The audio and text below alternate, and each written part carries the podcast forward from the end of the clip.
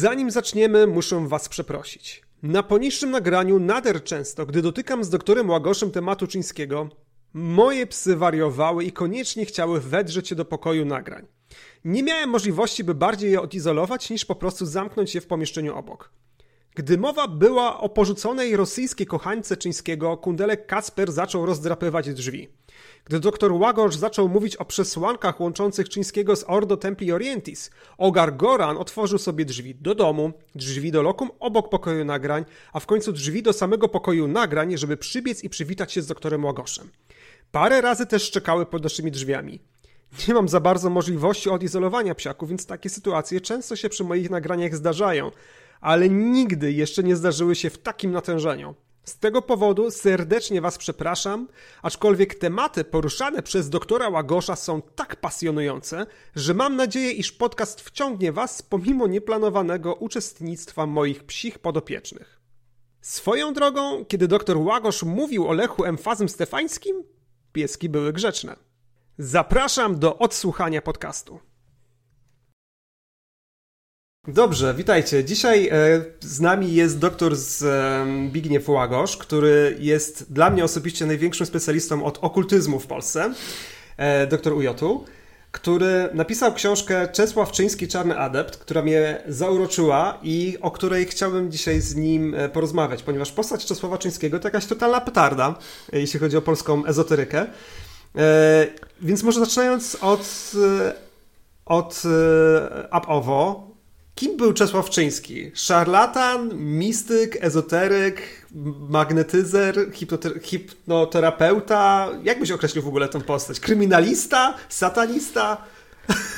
E, myślę, że wszystko, e, tak naprawdę to wszystko e, po troszku. Mm, generalnie bardzo dziękuję za to przedstawienie. Może od razu sprostuję, że za takiego znawcę wybitnego się nie uważam bo są ludzie, którym zgodnie z przekazem biblijnym nie jestem godzien odwiązać rzemyka od sandała. Ale rzeczywiście jest to moja ogromna pasja i strawiłem na tą pasję przynajmniej 25 lat mojego życia. E, wracając do pytania. Mm, Czesław Czyński, urodzony w 1858 roku, był człowiekiem bardzo mocno mm, nietuzinkowym. W tym względzie, że mm, to wszystko, co powiedziałeś, e, ta raz czarna legenda, wokół, które, e, wokół e, która niego narosła, ale przede wszystkim skąd ona się wzięła. Była stworzona poprzez e, raz prasę, która na pewno do tego dojdziemy jeszcze, miała ogromne wtedy wpływy związane z zniszczeniem i destrukcją wszystkiego, co było niezwiązane z panującą na wówczas bardzo mocną przekazem religii katolickiej. E, a druga sprawa, że on sobie bardzo mocno na to zapracował, a to choćby poprzez to, że rzeczywiście, nawet choćby przez słowo, które użyłeś, czyli kryminalista, spędził e, minimum dwa lata w więzieniu za bardzo słynny a proces. Trzy lata? No, to jest dwa no. lata. E, trzy lata było na, na pewno napisane, ale są mhm. różnego rodzaju przekazy, że mógł wyjść troszeczkę wcześniej. A, okay. Mhm. E, natomiast e, no, jest to e, z pewnością, ponieważ ja, on siedział w więzieniu w Moabicie, mhm. dotarłem do tego więzienia, pomimo tego, że jeszcze nie wszystkie te rzeczy przetrwały, bo oczywiście to są bardzo dawne lata, to w spisie osób odbywających wyroki, e, który się zachował, nazwisko Czesława Czyńskiego widnieje i rzeczywiście był skazany. Może od razu, nie wiem, czy teraz coś żeśmy na ten temat powiedzieli, co było przyczyną, czy... Może w trzech słowach, najwyżej mm, później Dobrze. rozwiniemy ten temat. No więc przyczyną tego był jeden z najsłynniejszych na ówczesną Europę procesów o tak zwane hipnotyczne uwiedzenie. Co się z tym wiązało i czy rzeczywiście do tego doszło, to może w dalszej części. W każdym bądź razie Czesław Czyński był człowiekiem e, zafascynowanym e, przede wszystkim hipnozą e, i jej stosowaniem na ludziach. Z tego stosowania tej hipnozy zrobił sobie raz, że zawód, dwa, że poprzez tą hipnozę mógł rzekomo wpływać na niektóre osoby. No był oczywiście fascynatem ezoteryki. Mm, przede wszystkim był przywódcą na Polskę, ale też kraje słowiańskie, e, głównie też w tamtym okresie na Rosję, e, takiego e, centrum, które nazywało się martynizmem. Mm, myślę, że o tym martynizmie też za chwilę będziemy mówić. Natomiast e, oprócz tego martynizmu i mm, e, tej całej otoczki hipnozy, był człowiekiem, e, który chciał mm, jakby dobrze żyć, mm, a żeby dobrze żyć, przyjmował różnego rodzaju pozy. Pozował na hrabiego, którym nigdy nie był, przyjmował różnego rodzaju struktury, że jest również doktorem, mimo tego, że nie skończył żadnych studiów. E, Natomiast bardzo biegle rozmawiał po francusku, ze względu na fakt, że jego rodzina była mocno zaangażowana w powstanie i jak e, wielu powstańców tamtego Powstanie okresu, styczniowe styczniowe dotychczas. oczywiście, e, uciekali do Paryża. E, Czesław spędził tam trochę e, lat swojego dzieciństwa, przez co bardzo dobrze porozumiewał się po francusku, co dało mu asumpt do tego, że po pierwsze we Francji była ogromna wtedy fascynacja przede wszystkim e, rzeczami związanymi e, z polegającym na hipnozie różnego rodzaju sta- stanami transowymi, przede wszystkim przy badaniu histerii, e, gdzie mamy szpital Salpentier i innych tego typu ośrodki, w którym mamy na przykład doktora Charcota albo innych, którzy prowadzą badania, naprawdę badania medyczne nad wpływem hipnozy na różnego rodzaju stany związane z histerią. No, ponieważ e, Czyński jest tym zafascynowany, e, chce tą hipnozę wprowadzić do mm, oczywiście swoich działań, przede wszystkim działań związanych z ezoteryką, czyli z zakonem martynistów, których jest przedstawicielem. E, Tytułując się tytułem doktora i e, różnymi innymi pośrednimi tytułami, które wtedy były bardzo modne, zaczyna przyciągać bardzo dużą rzeszę osób e, do dwóch środowisk. Pierwsze to środowisko związane z tym, że zaczyna leczyć rzekomo ludzi poprzez tak zwany transfer, czyli na przykład przenoszenie, oczywiście mówimy dzisiaj o tym mm, w takim cudzysłowie jako leczeniu. No, to nie jest żadna Medycyna E, alternatywna, tak, byśmy powiedzieli. Medycyna alternatywna.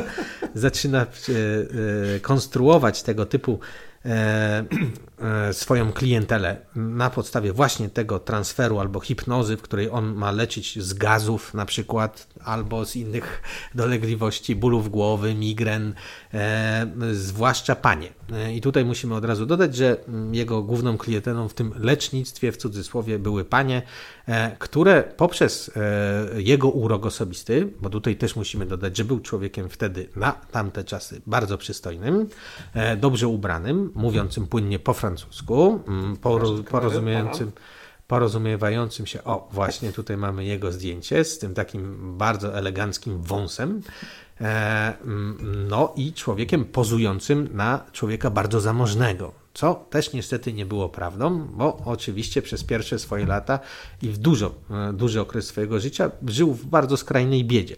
Ale poprzez różnego rodzaju mm, e, odczyty, e, pokazy, w których hipnotyzował kury, na przykład, na które przychodził e, ówczesny człowiek, który relacjonował wspaniale tego typu wydarzenia, czyli Bolesław Prus, e, gdzie znajdujemy w jego kronikach e, opisy e, hipnotyzowania kur Przeszczyńskiego, e, to zbierał taką e, e, grupę zewnętrzną, a z tej grupy zewnętrznej tworzył grupę wewnętrzną. Tą grupę wewnętrzną to stanowili uczniowie tego zakonu martynistów. A że ponieważ ten zakon martynistów jeszcze e, zaczął tworzyć grupę wewnętrzną, czyli system w systemie. E, Z tego rozłamu, bo później taki rozłam nastąpił, e, zakiełkowało jeszcze inne e, wydarzenie, czyli Ordo Albi Orientis, czyli taka e, specjalna grupa, która miała rzekomo parać się już wywoływaniem innych bytów niezwiązanych z martynizmem, bo martynizm od razu dookreślmy, był systemem ściśle chrystocentrycznym, czyli w którym e, osobą przewodnią był Chrystus, no więc w tym Or- Ordo Albi Orientis miało się dziać e, rzeczy, e, które były związane z ciemną ścieżką praktyk ezoterycznych, czyli z rzekomo z przywoływaniem szatana, robieniem różnego rodzaju orgii, w których to orgiach miały brać udział zahipnotyzowane po części kobiety.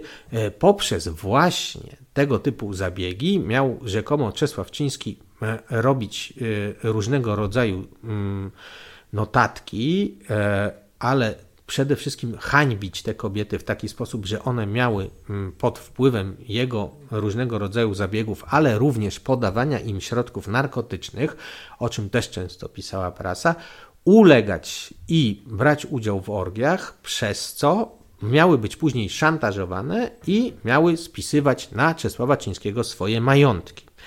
E, ja przeprowadziłem bardzo drobiazgowe śledztwo w tej kwestii. E, pewnie o tym jeszcze za chwilę będziemy mówić, natomiast sytuacja e, wcale nie była aż tak lub w ogóle tak nie miała takiego miejsca, jak to było podawane w prasie. Rozumiem. To teraz, żebyśmy sobie uporządkowali te rzeczy, tak bo podcast religioznawczy słuchają osoby bardzo zaawansowane religioznawczo, Jasne. ale także ludzie, którzy dopiero dotykają pewnych tematów. Więc Prosiłbym Cię, żebyś powiedział na e, możliwie krótko, zwięźle i dokładnie, czym jest martynizm, co wiem, że będzie trochę trudne. E... Jasne.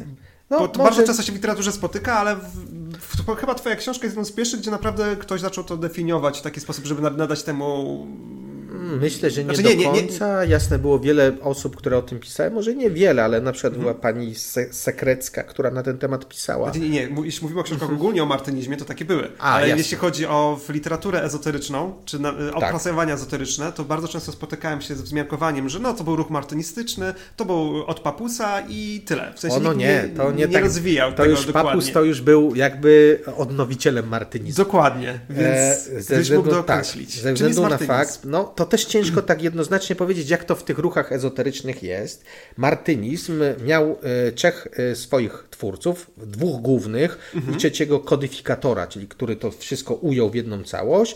Mamy tutaj pochodzenie e, Martina de Pascali i Saint, oraz Sant Martina, z których to właśnie wywodzi się nazwa martynizm oraz takiego trzeciego gościa o nazwisku Willermoos, i tutaj mamy e, osoby, które e, zaczęły pasjonować się e, taką mm, teozofią po części, ale mówimy o teozofii tej wcześniejszej, nie tej, której mhm. stworzyła Bławacka, tylko teozofii jako e, miłości e, do Boga, e, gdzie mamy choćby takiego przedstawiciela jak, przedstawiciela jak Jakub Beme, I mhm. właśnie w tym ujęciu mówimy o teozofii, e, w której zaczęli się pasjonować nasi, nasi twórcy martynizmu. I ten martynizm był takim, taką próbą reintegracji. To jest jeden z najważniejszych słów w martynizmie, czyli przywrócenia człowiekowi wartości duchowych, które posiadał przed wygnaniem go z raju. E, I ta reintegracja e, tego człowieka miała polegać przede wszystkim na wykonywaniu określonych zabiegów. Te zabiegi po części były zabiegami, e, które klasyfikowałyby się jako rytuały magiczne. To bardzo ciekawe, z przywoływaniem aniołów na przykład, mhm. różnego rodzaju rzeczy.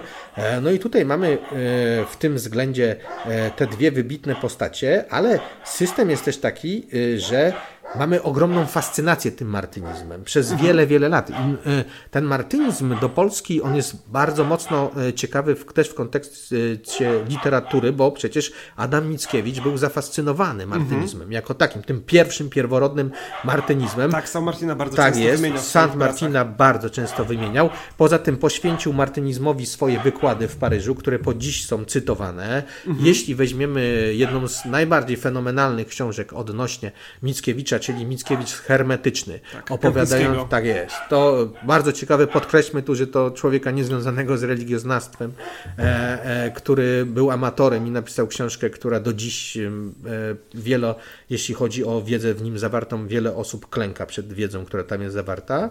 No i przez to mamy również zafascynowanie e, pisarzy francuskich i pisarzy rosyjskich mhm. i ten martynizm wchodzi sobie e, ogromnie e, na różnego rodzaju dwory, bo jak wiemy, E, no, ten intelekt, czy te, te wszystkie e, wykładnie intelektualne, e, czy się przyjęły, czy nie, no to było od razu wiadomo poprzez pisarstwo i poprzez przyjmowanie czy fascynację tego typu rzeczami na dworach różnego rodzaju cesarstw, królestw czy, czy systemów panujących w danym kraju. No i tutaj mamy ten Martynizm, który wręcz opanował różnego rodzaju kraje. E, no y, i on później troszeczkę zamarł, ten stary pierwotny martynizm i nagle został przebudzony przez papisa, e, czy papusa, różnie e, ludzie to czytają. To też dodajmy, że to jest pseudonim, tak? Oczywiście jest to pseudonim Gerarda Encausse, człowieka, który odtworzył, był człowiekiem, który posiadał z tego co wiem historycznie, nie wiem na którym miejscu go plasować, ale był człowiekiem, który miał chyba e, jeden z największych e, ilości dyplomów różnych stowarzyszeń i organizacji.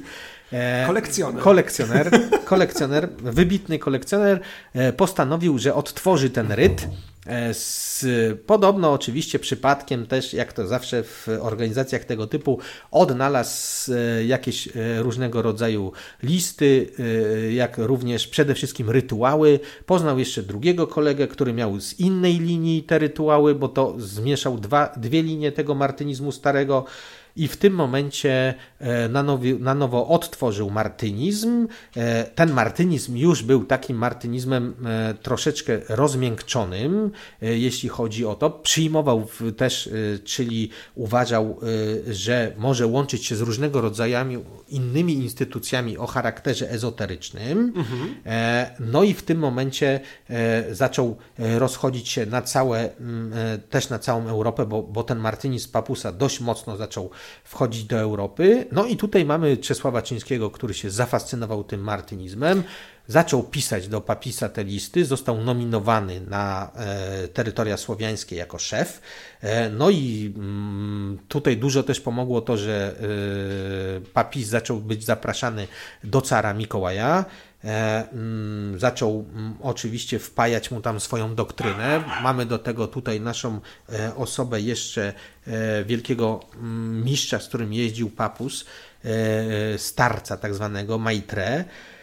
No i oni tam zaczęli się mocno bawić w różnego rodzaju rytuały i ten, też wybuchł skandal, ponieważ ten mistrz y, wpoił w caryce, że jest w ciąży. Była to ciąża urojona, o tym opowiadałem no, różnego czyli rodzaju. skutecznie, skutecznie. jej. No. Bardzo mocno skutecznie. Ona uwierzyła, no, natura nie uwierzyła. Natura nie uwierzyła, ona uwierzyła, ale zostali wygnani z dworu, y, ale mm, od czasu do czasu jeszcze zapraszano Czyńskiego, który był wtedy tym delegatem i Czyński tam przyjeżdżał z niejakim Janem Guzikiem guzikiem, słynnym medium alkoholikiem, który zanim wszedł w trans musiał wypić pół litra wódki. E, podwójny spirytyzm pod, tak zwany. Podwójny spirytyzm w tym ujęciu i też tam zaczęli e, rzekomo wywoływać zjawy, e, które to zjawy ojca Mikołaja, w których to zjawa miała opowiadać, jakie ruchy teraz mają oczywiście postępować, żeby wyzwolić kraj, żeby nie było takich zamieszek, które tam się zaczęły dziać ale no, y, też został przegnany Czyński, a to przede wszystkim przez y, dwie sprawy. Raz afera szpiegowska, która mm, oczywiście u Czyńskiego była bardzo ciekawa, ponieważ on e, uwodził dworki e, e, carycy i mm, dostawał różnego rodzaju rzeczy, które były nieformalne, a o których się mówiło w pałacu. E, Coś informacje. Tak, informacje i mhm. choćby e, dzięki temu robił swoje słynne przepowiednie, w których przepowiedział wybuch wojny. To jest fantastyczna sprawa, e, bo ta przepowiednia e, jest chyba jedną z niewielu, która mu się sprawdziła e, i on wysyłał widokówki po różnych e, redakcjach, w których zapowiadał, że Wielki Czyński Punarbawa, bo tak miał swój pseudonim nadany mu przez papusa, że Punarbawa przepowiada wojnę, która wybuchnie. Wtedy jeszcze nie było wiadomo, że taka wojna wybuchnie, e, ale e, już o tej e, się na dworze carskim bardzo mocno mówiło. No i ta wojna rzeczywiście wybuchnęła, co się okazało, że te przepowiednie Czyńskiego się sprawdzają i później na ten kanwie mógł bardzo mocno, że tak powiem, mm, podnosić swojego i pokazywać spójrzcie, jaką mam moc. A druga sprawa z tym związana to był fakt y, tego wydalenia, że jak zawsze chodziło tam o różnego rodzaju malwersacje finansowe. E, no i oczywiście sprzeniewierzył tam jakiś potężny majątek, który miał, naprawdę potężny, majątek Koczewo, e, który mm, był... Dajmy, że to jest 5 czy 6 hektarów, gdzie też były lasy i bory. O, to, to było chyba no. około 40 lub więcej. 40 hektarów, tak? tak 40 lub więcej. E, gdzie miał własnych robotników, różnego rodzaju rzeczy. Czy był panem na Włościach? Był panem na Włościach. No, no i oczywiście te wszystkie rzeczy się skumulowały, musiał uciekać z Rosji, e, symulował obłęd, e, został zamknięty w zakładzie w Tworkach, Jak wielu wówczas. Daniel Piłsudski wielu... tak samo no, czy... w ten sposób uciekł z więzienia, że udawał wariata. No właśnie. No i w tym momencie wybucha wojna. Jak wiecie, wojna wiele rzeczy uspokaja. Mówimy tu o I wojnie światowej w tym sensie, że uspokaja, że mamy tutaj taki system, że wiele rzeczy po prostu wygaszają, no bo nie ma na to czasu, tak? No. Żeby prowadzić śledztwa o jakiegoś czyńskiego czy nie. No i w momencie, kiedy kończy się wojna, on na nowo wypływa, e, oczywiście ze swoimi, wtedy przypomina o swoich przypowiedniach i zaczyna organizować na nowo zakon martynistów w Polsce. Zdajmy, że on chyba zmartwychwstał, bo pojawiła się informacja o tym, że tak. on umarł, która tak. dotarła do jednej z jego kobiet, która chyba w to wierzyła, tak?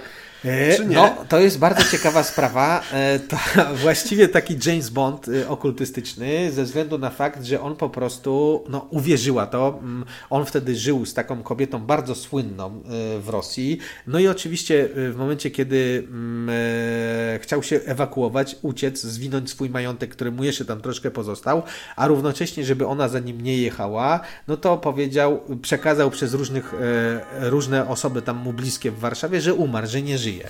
E, I ona w to oczywiście uwierzyła, no i mm, jakby przestała, no wiadomo, czas leczy rany, e, musiała się z tym pogodzić. No on oczywiście do niej nie wrócił taki system. No, generalnie teraz w erze Facebooka i innych tego typu rzeczy byłoby to bardzo ciężkie, e, bo zaraz by ktoś zobaczył, że on się na nowo reklamuje i że to jest on. Ale w tamtych czasach te sprawy tak szybko nie wypływały na powierzchnię e, Ziemi. No i to mu się udało, to sfingowanie i później myślę, że no, e, wielu mężczyzn korzystało z tego typu zabiegów. No był to ciekawy czas. Ale słuchaj, tak jakby jeszcze dla naszych słuchaczy, gdybyś e, w trzech słowach mógł, pod... czy to w ogóle jest możliwe, żeby w trzech słowach podsumować, czym jest martynizm, czym się różni na przykład od e, czegokolwiek innego w ezoteryce. Dobrze, Z możemy spróbować, bo no. E, już próbowało kilka osób to robić i najpiękniej dla mnie, obrazując mhm. martynizm, będzie to trzecia droga mhm. E, pomiędzy chrześcijaństwem a ezoteryką. Czyli system, który wniesie w sobie mm, tą taką, bo on był w swych założeniach mocno gnostyczny. Mhm. E, mocno gnostyczny. E, e, zresztą no, nie ma co mówić, bo martynizm był później mocno sprzężony z kościołem gnostycznym. Mhm. I generalnie była tam, no dodajmy również, że mar martynizmem fascynowali się Mariawici, mhm. czyli polska kolebka, no nie wiem czy gnostycyzmu, tak? ale jeśli weźmiemy pod uwagę rzeczy, które tam były wprowadzone, choćby biskupstwo kobiet, tak Właśnie, e, no to też e, pewne inspiracje, jeśli chodzi o to Jana Kowalskiego, który czytał bardzo dużo o ezoteryce, e, bardzo ciekawe, plus biskup Pruchniewski, który zafascynowany był ezoteryką. Z tego co ja wiem, z samego przekazu osób związanych z tym pierwotnym mariawityzmem, to tam było ogromne zainteresowanie ezoteryką. No więc martynizm sam w sobie poszukiwał zjednoczenia tego pierwotnej idei chrześcijaństwa z ezoteryką e, e, i chciał mm, być cały czas i był chrystocentryczny, czyli e, mamy Chrystusa, ale obok tego mamy stosowanie tego, co w chrześcijaństwie jest przecież zabronione, czyli magii, ezoteryki i różnych innych wydźwięków związanych z tą drogą takiego podnoszenia e, swoich własnych e, wewnętrznych e, właściwości duchowych, ale poprzez nie tylko modlitwę, ale poprzez na przykład spotkania czy wywoływanie istot typu anioły lub coś w tym stylu. Jeśli Oczywiście, mhm. dodajmy, wierzymy w tego typu sprawy. Tak, tak, no oczywiście, rozumiem. Więc to jest, e, to jest mariawityzm i to jest e, mniej więcej... Martynizm. Przepraszam, przepraszam martynizm, tak, bo tak, mariawityzm Przepraszam to... ci, wszedłem właśnie z bardzo słusznie, ale... Bardzo słusznie, bo bardzo podobnie brzmią, a jednak to są pojęcia inne. Chociaż o tym, że mariawici byli zafascynowani martynizmem, to w sumie jest dla mnie taka dość nowa informacja, bo mariawici to przypomnijmy, że to jest ruch starokatolicki, tak który jest. przez jakiś czas... E, on opiera się na objawieniu Feliksy Kozłowskiej, jeśli dobrze pamiętam, tak jest. Płocka. Tak jest. E, która, e, której to objawienie nie zostało uznane przez Watykan, ale ona stwierdziła, że ono jest jak najbardziej legitne, no i w pewnym, w pewnym momencie się zaczęło oddzielać e, mariawityzm od kościoła rzymskokatolickiego, zostając kościołem starokatolickim cały Oczywiście. czas. Oczywiście. No, mhm. Fantastyczną książkę na ten temat napisał profesor Rafał Łętocha, e, która wyszła no, parę miesięcy temu, miałem przyjemność ją recenzować e, dla jakiegoś tam portalu oczywiście. E, w każdym bądź razie opowiada o politycznych ideach powstania mariawityzmu mhm. ale opowiada też fantastycznie historię tego podziału, schizm, tego typu innych rzeczy. E, no mnie w mariawityzmie przyciągały też małżeństwa mityczne, tak, mistyczne. To już było po Feliksie Kozłowskim, tak. dodajmy. E... Czyli możliwość zabierania małżeństw między zakonnicami i kapłanami, znaczy tak naprawdę kapłankami tak. i kapłanami. Tak jest. Które były, z tego co wiem, e, nie na bazie tego, że ktoś się w sobie zakochał, tylko to było nie. raczej e, Jan Maria, aranżowane. Jan Maria Kowalski aranżował te małżeństwa, ale najważniejsze w tych małżeństwach było to, że dzieci poczęte z takiego związku miały być dziećmi bez grzechu pierworodnego. O, e, mhm. Tak, i to była fantastyczna sprawa. E, w tym e, oczywiście to wzbudzało szereg kontrowersji. Mm, sam e, Kowalski miał e, bardzo mocny proces, chociaż po części na pewno od razu dowiedz, po temu powiedzmy sfingowany, bo mariawityzm tak. był bardzo mocną kością e, niezgody w, w samym łonie kościoła katolickiego, a w Polsce jest to największa schizma, jaka do tej pory została E, że tak powiem, jaka powstała, jeśli chodzi o polski kościół. E, no bo tam tych Mariawitów było naprawdę mnóstwo, powyżej 300 tysięcy, może i więcej. E, tworzyli fantastyczne komórki, jeśli chodzi o system pomagania ludziom. Dokładnie, do dzisiaj zresztą tak, one do dzisiaj zresztą, to też musimy mhm. powiedzieć. Że dom samotnej matki jest bardzo tak. chyba w, nie pamiętam czy w gdzieś pod Łodzią, ale no, i też w Płocku. Płock, yy, Super piekarnie mają, tak, to w ogóle oczywiście, polecam. Oczywiście. Nie, nie. Tutaj mhm. ja, ja, akurat jestem człowiekiem, który ma e, ogromny szacunek do każdego wyznania i każdej wiary. E, uważam, że jeśli nawet ktoś wierzy w latającego potwora spaghetti, ma ode mnie taki sam szacunek, jak wierzy w coś innego. Tylko ja mam kłopot z tym, jak mi ktoś coś zaczyna narzucać. W sensie, jeśli, że, że ktoś na przykład uważa, że ja powinienem lubić przez to spaghetti i jeść je codziennie, no to ja mam z tym kłopot. Ale generalnie e, uważam, że trzeba pokazywać różnorodność religii, trzeba pokazywać wielko e, systemów, wiele systemów, które prowadzą właściwie do tego samego, czyli do tego, żeby jednostka ludzka w jakiś sposób duchowo się podniosła. Tak? Bo mhm. na tym powinna polegać religia. Przynajmniej w swoich prymarnych założeniach. Absolutnie. Czy tak jest do końca, to każdy z nas Bywa różnie, powiedzmy. Oczywiście. I postać, postać Czyńskiego też tu jest ciekawa właśnie pod tym kątem, że bywa różnie. E, no właśnie, bo które tematy chciałem tutaj, mam tutaj listę tych tematów, które chciałem poruszyć e, i chyba zrobię to pewną aranżację. E, i zapytałbym może w takim razie o to, e, o postać Czyńskiego z tym uwiedzeniem hipnotycznym. Mm, super sprawa. Jak to było? Bo z jednej strony, powiedzmy sobie wprost, Czyński chyba nie był najbardziej moralnym człowiekiem, jakiego jesteśmy sobie w stanie o, wyobrazić, nie, wręcz prawda? przeciwnie, wręcz przeciwnie. Myślę, że jego moralność y, była e, taką moralnością biznesową, na dzisiaj byśmy to powiedzieli, e, w tym względzie, że jeśli mamy ubić interes, to wiele rzeczy przechodzi. E, mm, no i cóż, Czesław Ciński miał proces, e, który proces był e, na ustach całej Europy, ponieważ był to pierwszy proces polegający na tym, że rzekomo w grę miała wchodzić tak zwane uwiedzenie hipnotyczne, to mhm. znaczy, że panna baronówna von Zedlitz, bo o niej tutaj mówimy, która była starą panną i miała podobno jakieś kłopoty w sensie braków intelektualnych, E, czyli miała jakąś chorobę dysfunkcyjną. E, I duży majątek. I du, ale przede wszystkim ogromny majątek, który, co ciekawe, został zapisany na nią i w momencie, kiedy miała e, mieć męża, to pozostający przy życiu jej brat oraz ojciec zostawali do dyspozycji tejże panny, jeśli chodzi o rozdysponowanie pieniędzy. Zatem ogromnie zależało im na tym, żeby panna von Zetlitz nie miała żadnego absztyfikanta.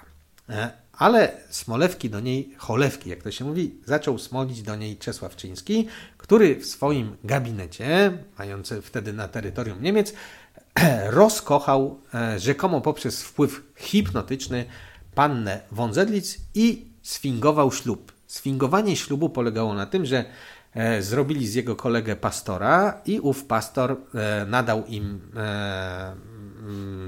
jakby ten sakrament, w którym to mieli zostać mężem i żoną. No, oczywiście wywołało to ogromne poruszenie w momencie, kiedy dowiedział się o tym ojciec i brat. Dodajmy, że Czyński wtedy chyba był już w związku małżeńskim? Tak, i właśnie o to chodzi, że Czesław Czyński e, nie rozwiódł się ze swoją pierwszą żoną Ludmiłą, która była, odnalazłem ją kiedyś w spisach powszechnych pracownic poczty w jednym z bardzo małych E, miejscowości w Polsce, e, ponieważ ona mu przeszkadzała już jako osoba, która mm, dla tak światowego człowieka e, nie była osobą mm, raz, że mającą poparcie w urodzie, a również to, że nie charakteryzowała się też przywarami intelektu, Czesław Sczyński porzucił ją na korzyść tej właśnie von Zedlitz, tylko zapomniał się rozwieść oficjalnie. No i w tym momencie panowie brat oraz baron von Zedlitz wpadli na pomysł, żeby mm, zrobić proces, w którym to wykażą, że ona nie wiedziała, co czyni, ich siostra i córka, ponieważ była pod wpływem hipnozy, którą stosował Czesław Ciński. Proces był szalenie ciekawy, ponieważ zebrano wtedy największe autorytety zajmujące się hipnozą. No i już wtedy, i to jest bardzo ciekawa rzecz, wykazano, że nie ma takiej możliwości, żeby pod wpływem hipnozy ktoś mógł wziąć, wziąć ślub z tym, że oto Czesławem Czyńskim. No więc e, został skazany za sfingowanie tego ślubu, czyli posłużenie się fałszywym pastorem oraz za bigamię, czyli nie e, rozwiedzenie się, chociaż w moim systemie, patrząc na to przez dzisiaj, z tej bigami również powinien zostać uwolniony ze względu na fakt, że pastor był fałszywy, więc No tak, jego... nie, nie, nie zaistniała No bigamia, właśnie, więc no. jego... E, była tutaj, inscenizacja, przedstawienie. To była inscenizacja i przedstawienie. No już sam e, odsiadywanie w ciężkim więzieniu nie było inscenizacją i przedstawieniem. Więzienie było na tyle ciężkie, że Czesław Czyński podjął próbę samobójczą, która, co ciekawe, trafiłem na różnego rodzaju opisy później, miała być również teatrem, ze względu na fakt, że mm, no, on nie lubiał spędzać czasu, a te cele wtedy nie przypominały cel, e, które obecnie możemy zobaczyć w telewizji, tylko były to e, no, takie prawdziwe lochy. E, prawdziwe lochy na tamte czasy. No i w tym momencie, mm, żeby oczywiście udać się do szpitala, w którym warunki były całkowicie inne, mhm. sfingował swoją mm, e, jakby próbę samobójczą, e, która podobno była bardzo delikatna, podcinając sobie żyły, wylądował w szpitalu i w tym szpitalu spędził podobno bardzo już długą okres czasu, co później przydało mu się poprzez obserwację osób, które były w tym szpitalu psychiatrycznym, na to, żeby dalej udawać w momencie, kiedy byłoby to konieczne, żeby fingować rzeczy związane z, ze swoim rozstrojem nerwowym. Tam pamiętam, że e, zamieściłeś opinię lekarza, który był przesłuchiwany i który zapyta, na pytanie, czy to była poważna suma, próba samobójcza, powiedział bodaj, że raczej komediowa. Tak. Więc to pokazuje, jakim był e, aktorem e, Czesław Czyński. Słuchaj, wracając do związków e, Tutaj, to, to, to, chyba dość dobrze określa moralność tego człowieka. E, z drugiej strony moralność też e, braci tej baronówny to chyba też wskazuje na to, że bardzo im zależało na przyjęciu łapy na tym majątkiem, więc też tak, wymyślali niestworzone nie, nie, rzeczy, więc spotykał, trafiła kosa na kamień, jeśli tak chodzi jest. o pojęcie e, bycia moralnym. E, a powiedz mi, bo Czyński był e, martynistą, natomiast tak. E, tutaj były pewne kontrowersje, czy on należał do Ordo Templi Orientis, czyli no, chyba obecnie najsławniejszego zakonu o, ezoteryczno-okultystycznego, chyba tak można powiedzieć, mm. który zasłynął dzięki Crowleyowi, choć to nie Crowley go, Aliestra Crowleyowi, Crowleyowi, chociaż to nie on go założył. I jak to jest z tym, z tym oto? Bo tutaj no ta, Było pewne zamieszanie ta, chyba. Ta adherencja, e, czyli uczestnictwo e, chińskiego w Ordo Templi Orientis tak, jednakże, jeśli chodzi o system, przez e, Karla Kellnera i Teodora Rize jest tak, bardzo dyskusyjna. Mm, nie ma jednoznacznego przekazu, w którym mamy na przykład dyplom nominujący go z imieniem i nazwiskiem. Natomiast popełniłem taki tekst, y, który jeśli będzie Cię interesował, to Ci prześlę, y, mhm. w którym poszlakową metodą y, staram się udowodnić, że jednak ta jego obecność w tym, że zakonie była, ze względu na wiele wskazujących na to poszlak. Między innymi, między innymi, choć tych poszlak tam wykazuje bardzo dużo, na e, fakt e, założenia przez niego późniejszej grupy, o której mówimy, czyli Ordo Albi Orientes. Mhm. A jak wiemy, no, to nie są częste przypadki takiego kopiowania e, w sensie nazwy, bo przynajmniej jeśli chodzi o Ordo Templi Orientis i e, tą drugą grupę, którą założył Czyński, no to jest to mi jak na razie jeden ze znan, z, z jedynych znanych przypadków, jeśli chodzi o taką zbieżność i linię. Mhm. Natomiast jest tam o wiele więcej różnego rodzaju rzeczy, które są z tym związanych. Jed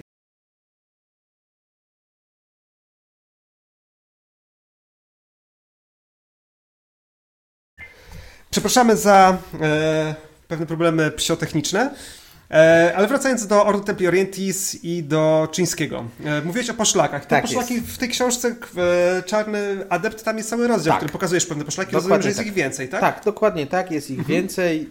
Napisałem odrębny artykuł na ten temat, który ukazał się drukiem. E, natomiast nie ma takiego bezpośredniego, e, bezpośredniego dowodu mówiącego o tym, że Czesław Ciński był w Ordo Templi Orientis, bo mamy mhm. jego dyplom, e, w którym to dyplomie jest napisane, iż tak. że on zostaje nominowany na przywódcę słowiańskiego terytorium. Nie Ale ktoś, został, ktoś został w tym czasie, mniej więcej kiedy Czyński tak, funkcjonował, tak, został nominowany i nie, nie, nie, znamy nazwiska tego człowieka, tylko stopień wtajemniczenia. No, tutaj mamy takiego tak? człowieka, badacza, yy, yy, który E, robił na ten temat badania i który właśnie e, umieścił kiedyś e, Czyńskiego w tym spisie mhm. Petera Keniga, w tym spisie tych osób w tej sukcesji, w linii sukcesji. Ja z nim bardzo mocno korespondowałem i też zastanawiałem się i zadawałem mu pytania, w których on, dlaczego on przyjął taką linię i dlaczego go tak ulokował. E, których on stwierdził, że e, nie ma żadnego na to dowodu, ale jego zdaniem nie było na ten czas nikogo innego, kto by mógł e, spełniać te warunki i że to jest właśnie Czesław Czyński. Nie ma do dziś dzień i nie wiem, czy się znajdzie, bo papierach poczyńskich, jakie zostały, wydaje mi się, że mam wszystkie. Przynajmniej ich część, no bo niestety po śmierci Czesława Czyńskiego E, wiele rzeczy zostało spalonych w piecu. Osoba, która się nim zajmowała, e, która była, e, się nim opiekowała, która miała taki zakład fryzjerski, po prostu po jego śmierci wzięła i bardzo dużą część tych dokumentów spaliła. Więc na dzień dzisiejszy nie mamy w, do, w ręce żadnego dowodu mówiącego, że tak było, a nie było. No, pozostają archiwa Ordo Templi Orientis, w których E, może udałoby się znaleźć, czy ten człowiek był rzeczywiście wpisany, bo gdzieś to nazwisko mogłoby funkcjonować, ale na dzień dzisiejszy ja takich ustaleń nie mam.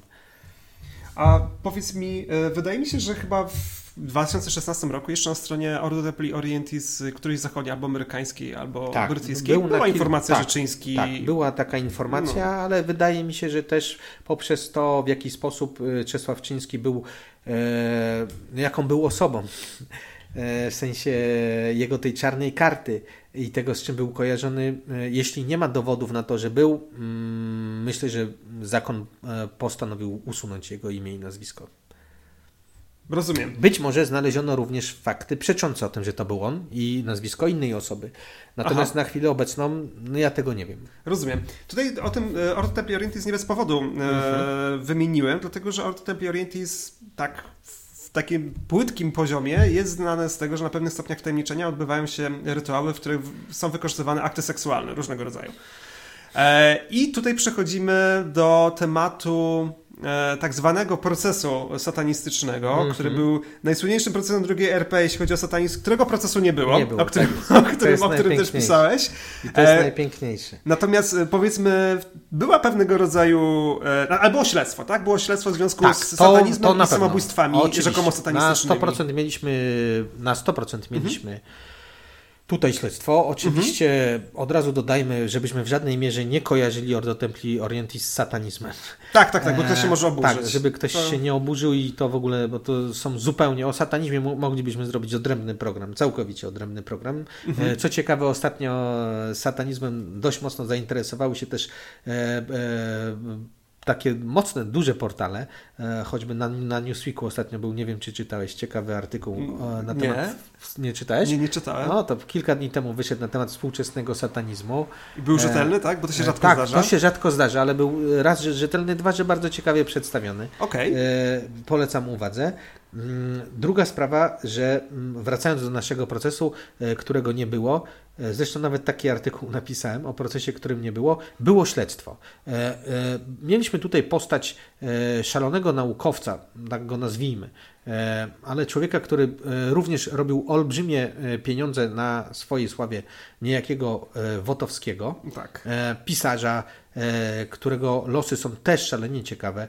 E, i o którym bardzo mało tak naprawdę wiemy rzetelnych informacji, ze względu na to nawet nie wiemy jak umarł i e, gdzie nastąpiła jego śmierć. Choć sporego książek e... się zachowało, co tak. więcej masa ich powstaje obecnie w audiobookach. Oczywiście, to jest bardzo ciekawe.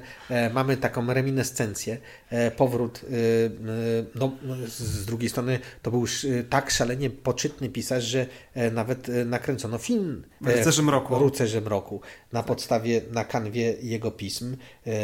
No i tenże Wotowski... Od razu dodajmy, że ten film zaginął. Ja go szukałem Ta. przez A, parę to... miesięcy i nie byłem w stanie znaleźć w końcu. Oczywiście. Do ciebie napisałem i e, dałeś mi kolejne tropy, do kogo się pytać, ale tak. ten film po prostu... Jeśli ktoś ma szpulę z tym filmem, to jest na wagę złota obecnie. Jasne.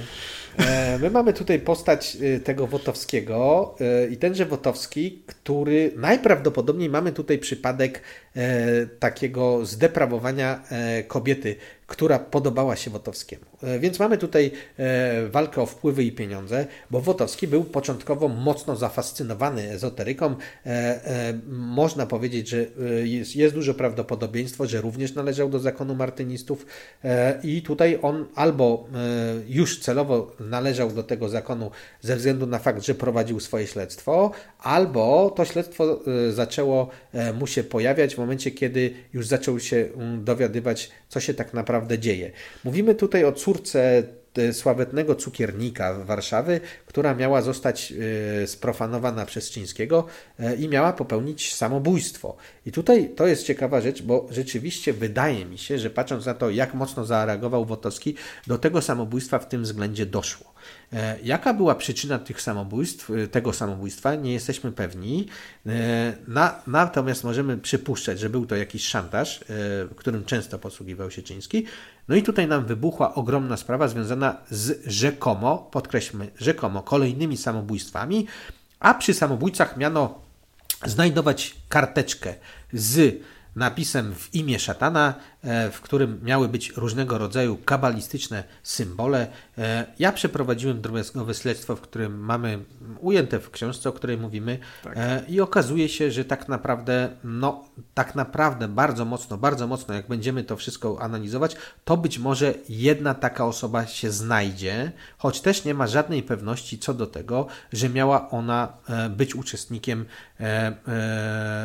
tych operacji magicznych, o których się wspomina. No Już... i te karteczki chyba, rozumiem, nie było żadnej kartki z napisem tak. w imię szatana. No właśnie, o tutaj chodzi, że e, te karteczki najprawdopodobniej były prokurowane, ale musimy e, pamiętać jeszcze o pewnym fakcie, że mm, bardzo dużo rzeczy e, zniknęło. Mm, nie mamy jakby takich jednoznacznych przekazów mówiących o tym, co pozostało, do czego możemy się odnosić. W każdym razie śledztwo było prowadzone na szeroką skalę. Były przeszukania, e, były rekwiracje e, różnego rodzaju rzeczy związanych z rytualnością martynizmu, a wtedy tego Ordo Albi Orientis, czyli szpady, e, które są używane również w zakonach wolnomularskich, mhm. maski, które akurat w martynizmie są bardzo ważnym atrybutem, płaszcze, różnego rodzaju misteryjne kielichy, puchary, tego typu rzeczy. No i rozpoczęto przesłuchanie słuchania świadków.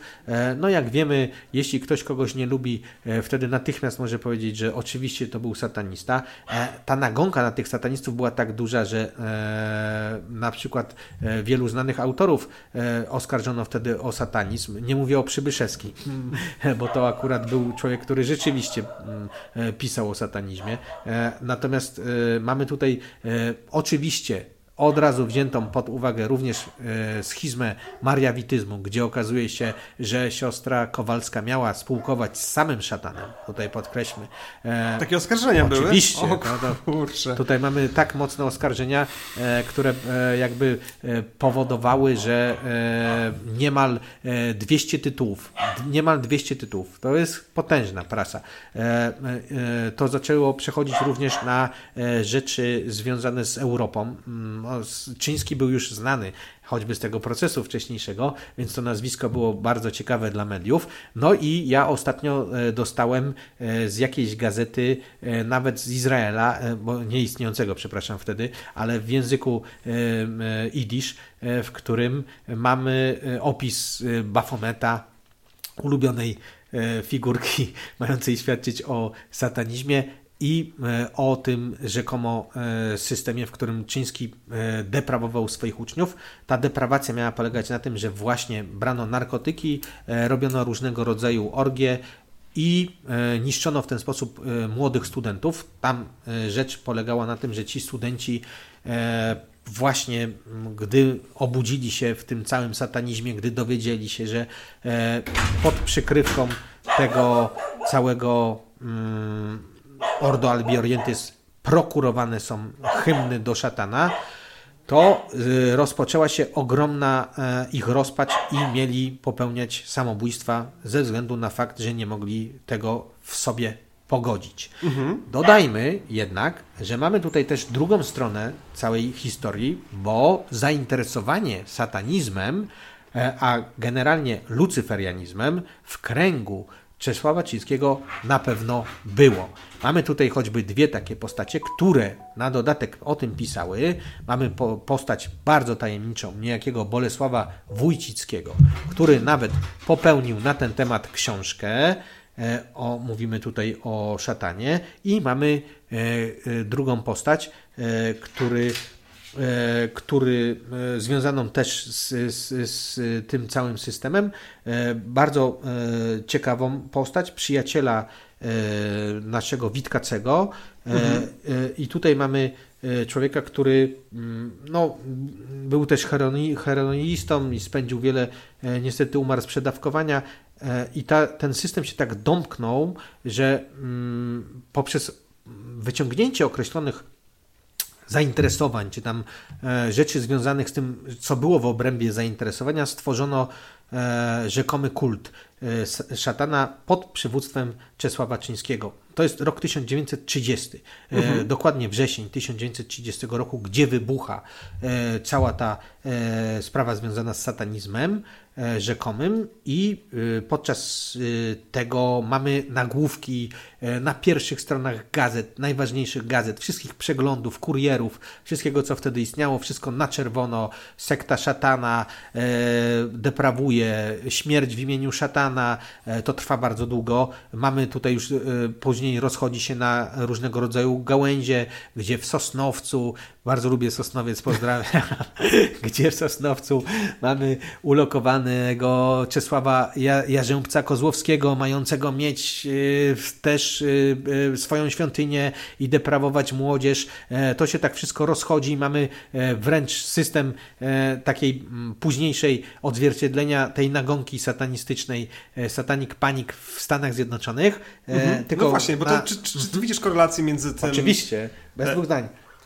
Że są zjawiska dość podobne, tak? Czyli że co jakiś czas, zresztą też, też mi się wydaje, że co jakiś czas, e, przynajmniej tak badając różne dzieje e, satanizmu i wyobrażeń na temat satanizmu, e, ciężko mi odnieść wrażenia, że co jakiś czas wybucha taka histeria.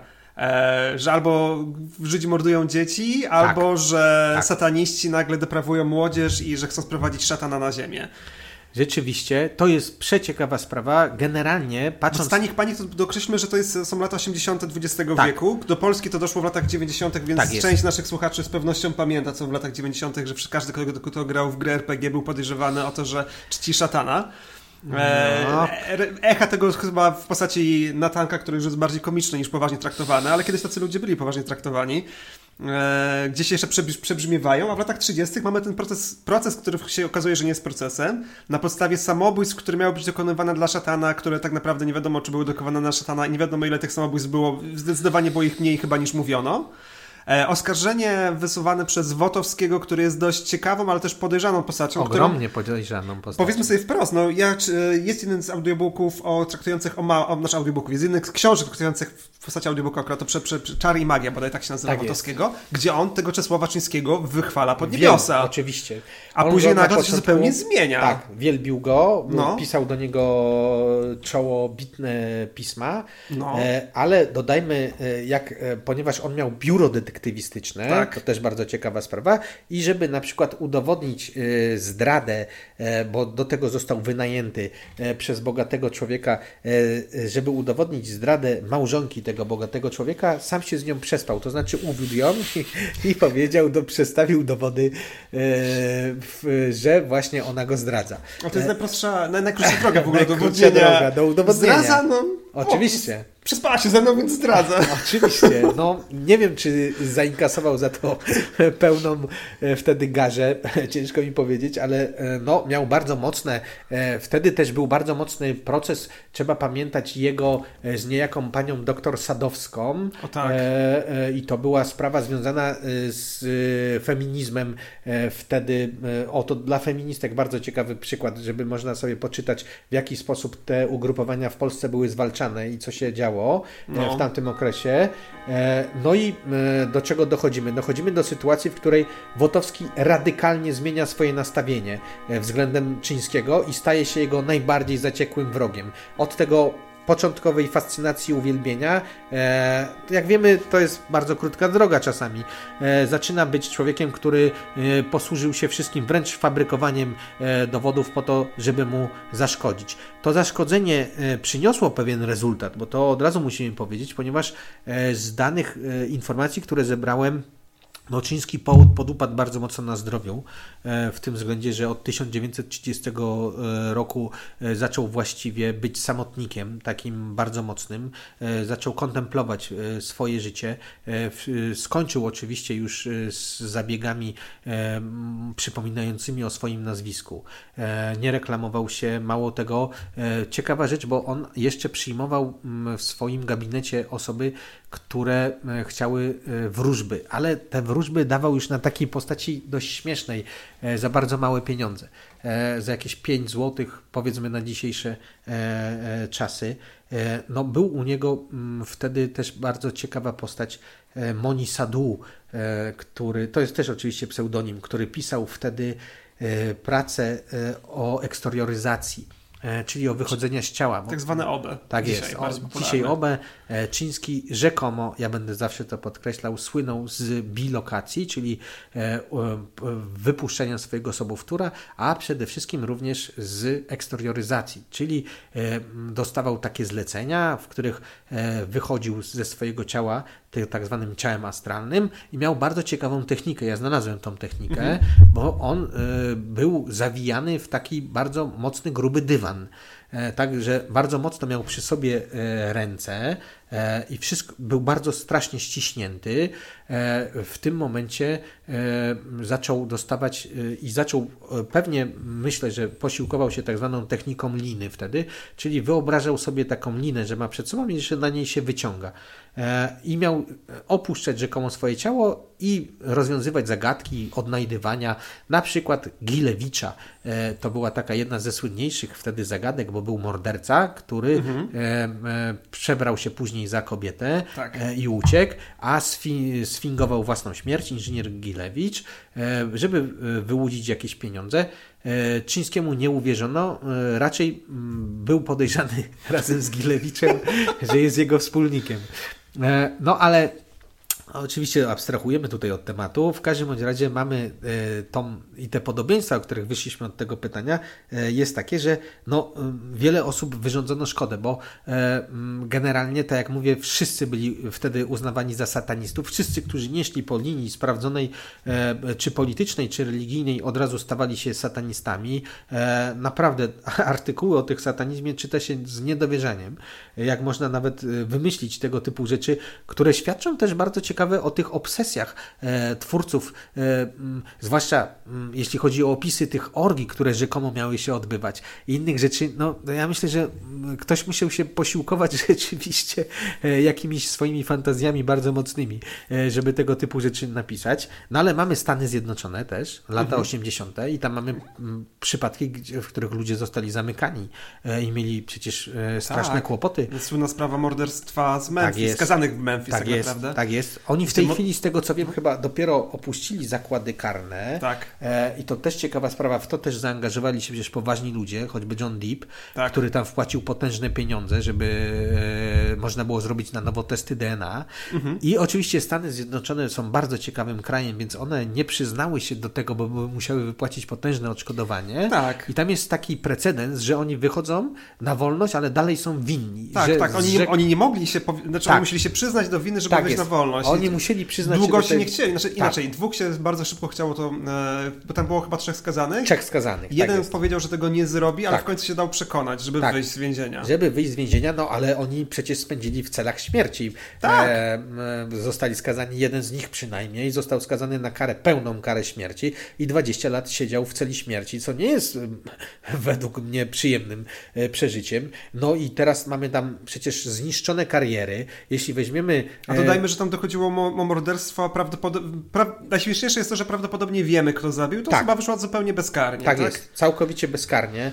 E, no wszystko tam przeczyło e, temu, że te młode osoby popełniły to zabójstwo, ale mieli słynne koszulki z, z symboliką odwróconego pentagramu liczbą 666, która od razu dała asumpt do stwierdzenia, że przecież muszą to być sataniści, a jak są to sataniści, to, to mordercy dzieci. To mordercy dzieci. Pewnie gwałciciele tak? jeszcze. No. no, ale weźmy sobie też na ciekawostkę, jeśli to y, przeczytamy, to tam y, przecież zwalniano ludzi, dyrektorów y, przedszkola, w którym przedszkolaki z, y, opowiadały, że jeździły na cmentarz wykopywać groby, z których dostawały miotły i na tych miotłach latały.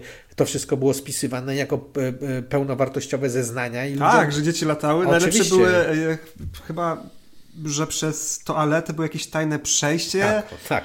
To już po prostu, po pierwsze, zweryfikować było bardzo łatwo to, bardzo że to jest prosto. nieprawda. Oczywiście. A od razu było też widać, jaka jest wartość tych zeznań. Co więcej, to jest też ciekawa rzecz, bo niektóre z tych zeznań były wyciągane, znaczy niektóre rzeczy wychodziły w czasie hipnozy, co pokazuje, tak jest. jaka jest znikoma wartość hipnozy, jeśli chodzi o przypominanie sobie różnych rzeczy z przeszłości. No. Wydawnictwo Czarne opublikowało chyba dwa lata temu jedną z książek, reportaży na temat tego, co tam się działo, odnośnie jednego z szeryfów, E, który został oskarżony przez swoje dzieci w okresie buntu o to, że właśnie uprawiał na nich satanizm i czarną magię e, i mm, oczywiście on w to sam uwierzył. To jest bardzo ciekawe, to też mnie się bardzo podoba.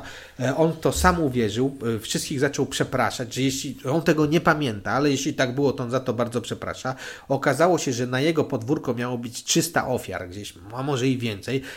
No cóż, przekopano to podwórko, no chyba najprostszy. Nie znaleziono znaleziono niczego oprócz e, jakiegoś szkieletu krowy, która miała prawo tam umrzeć. W każdym razie no, no człowiek e, spędził w więzieniu długie lata.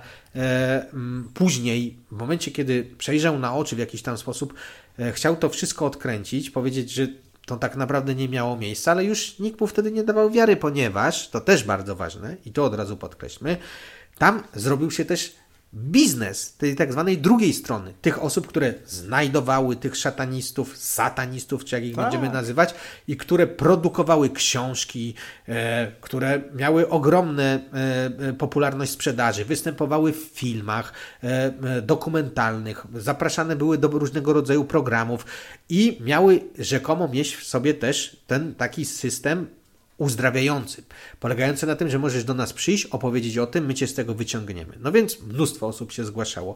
Myślę, że gdybyśmy dzisiaj z Mikołajem chcieli coś takiego założyć, e, to też byśmy mieli mnóstwo klientów, którzy przyszliby do nas i powiedzieli, że byli opętani przez szatana i czy możemy im pomóc. Takie grupy są, oczywiście, oczywiście. funkcjonują w Polsce. Będzie o tym cykl podcastów, obiecuję, bo już nad tym pracuję. E, no, znaczy jeszcze Mówiąc o tej panice satanistycznej, całkiem chyba przerażająco groteskowe jest to, że były rzeczywiście też osoby, które zabijały, ale często zabijały pod wpływem tego, że uwierzyły, że takie ruchy satanistyczne istnieją, że taki wielki podziemny krąg satanistów gdzieś funkcjonuje i chciały się do niego dostać. Więc to, co miało być ostrzegać przed satanizmem, de facto stawało się czasami, w niektórych przypadkach, promocją tego satanizmu. No i to jest bardzo też ciekawy temat do analizy. Bo przede no. wszystkim musimy też od razu podkreślić, że satanizm jako taki, jako idea, jako, jako różnego rodzaju formy, y, na przykład zbiorowisk zakonnych, które też e, mhm. się formują, istnieje.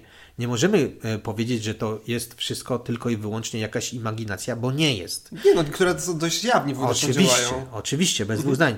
Natomiast, e, żeby podkreślić wagę tego, co powiedziałeś, dodajmy, że w Polsce mieliśmy przecież e, również kult diabła, w sensie popełnionego rytualnie mhm. morderstwa tak. w Bytomiu, gdzie panowie, którzy e, dokonali zbrodni haniebnej, od razu mhm. podkreślmy, każda zbrodnia to jest Oczywiście. czyste zło, e, dokonali jej na zasadzie książki, która mówiła z samym swym tytułem Satanizm jako ucieczka w absurd, która była... jest absurdem. Tak jest. I właśnie... Tego się nie da czytać. Przepraszam wydawnictwo no, wam, które to wydało, ale to jest jest pewien poziom bełkotu, który można wstrawić. Jasne. Podziwiam no. tych, mimo wszystko ja podziwiam tych nastolatków, żeby przeczytali tą książkę.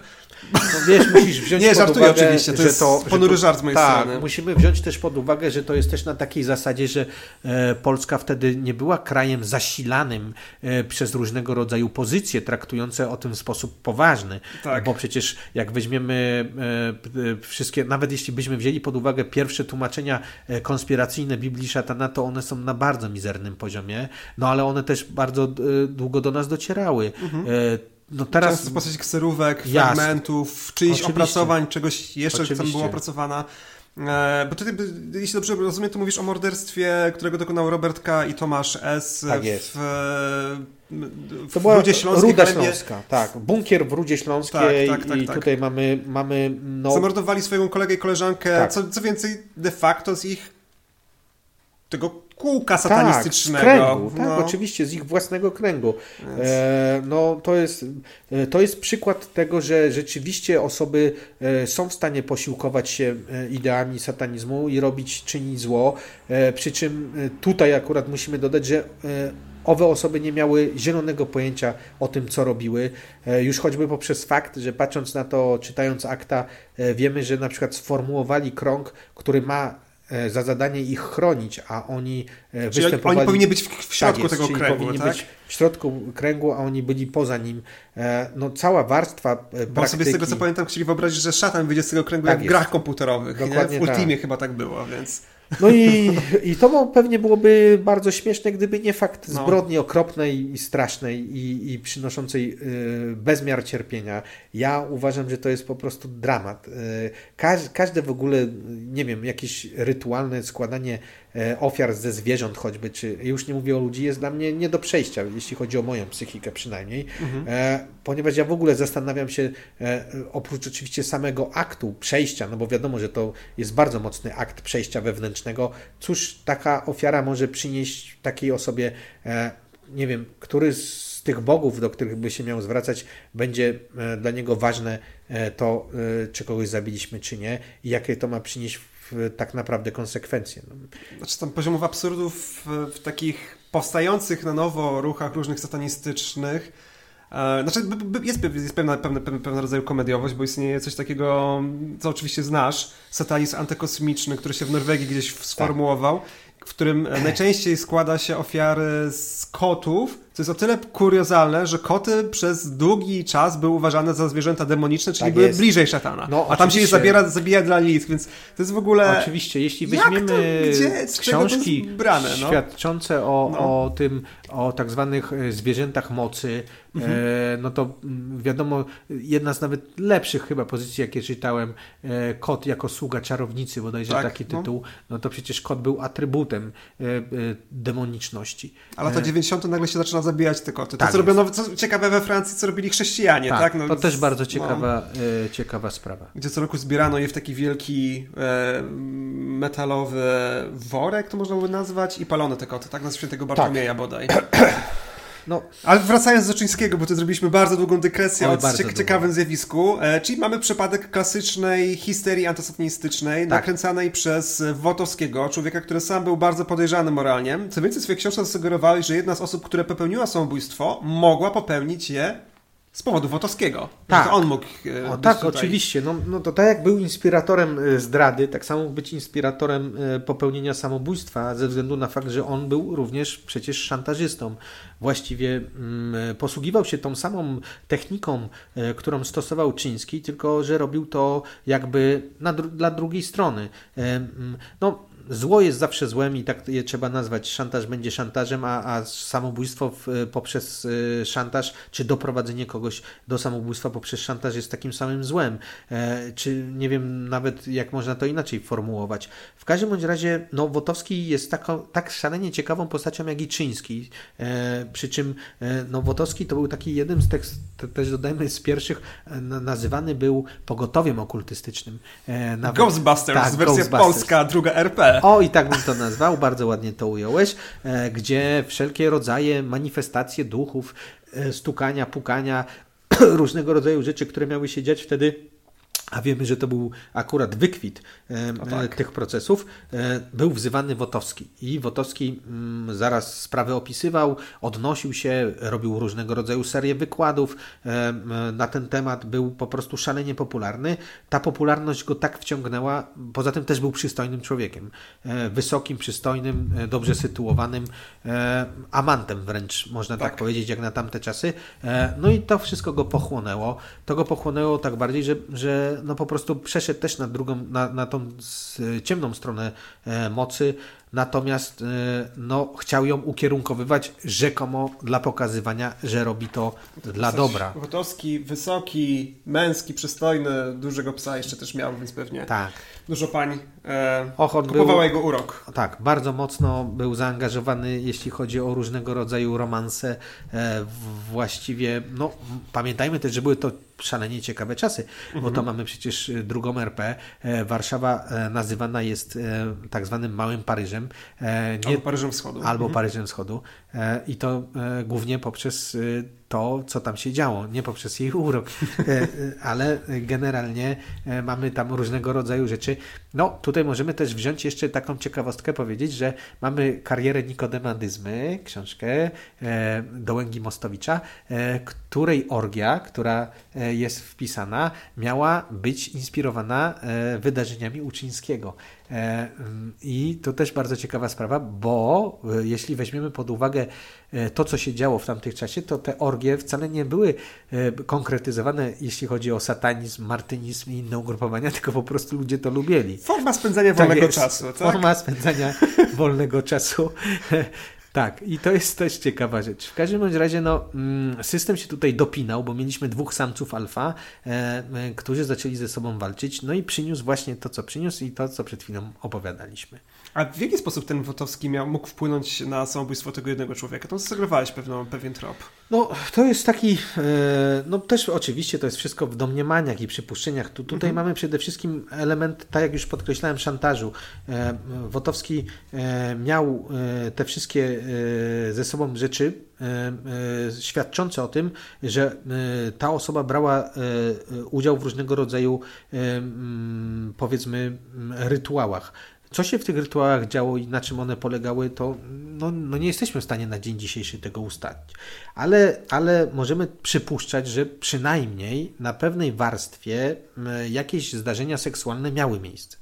E, no, też musimy pamiętać o tym, że e, w młodym człowieku, czy w ogóle w, w osobach e, mm, też nawet dorosłych, żeby zaistniał jakiś koncept mówiący o tym, że mm, nie mamy już wyjścia i podejmujemy decyzję o tym, żeby popełnić samobójstwo, odebrać sobie życie, muszą być to jakieś implikacje, które są szalenie dla nas ważne, które mhm. w momencie, kiedy się ujawnią, e, muszą być implikacjami e, e, no, dość mocnymi.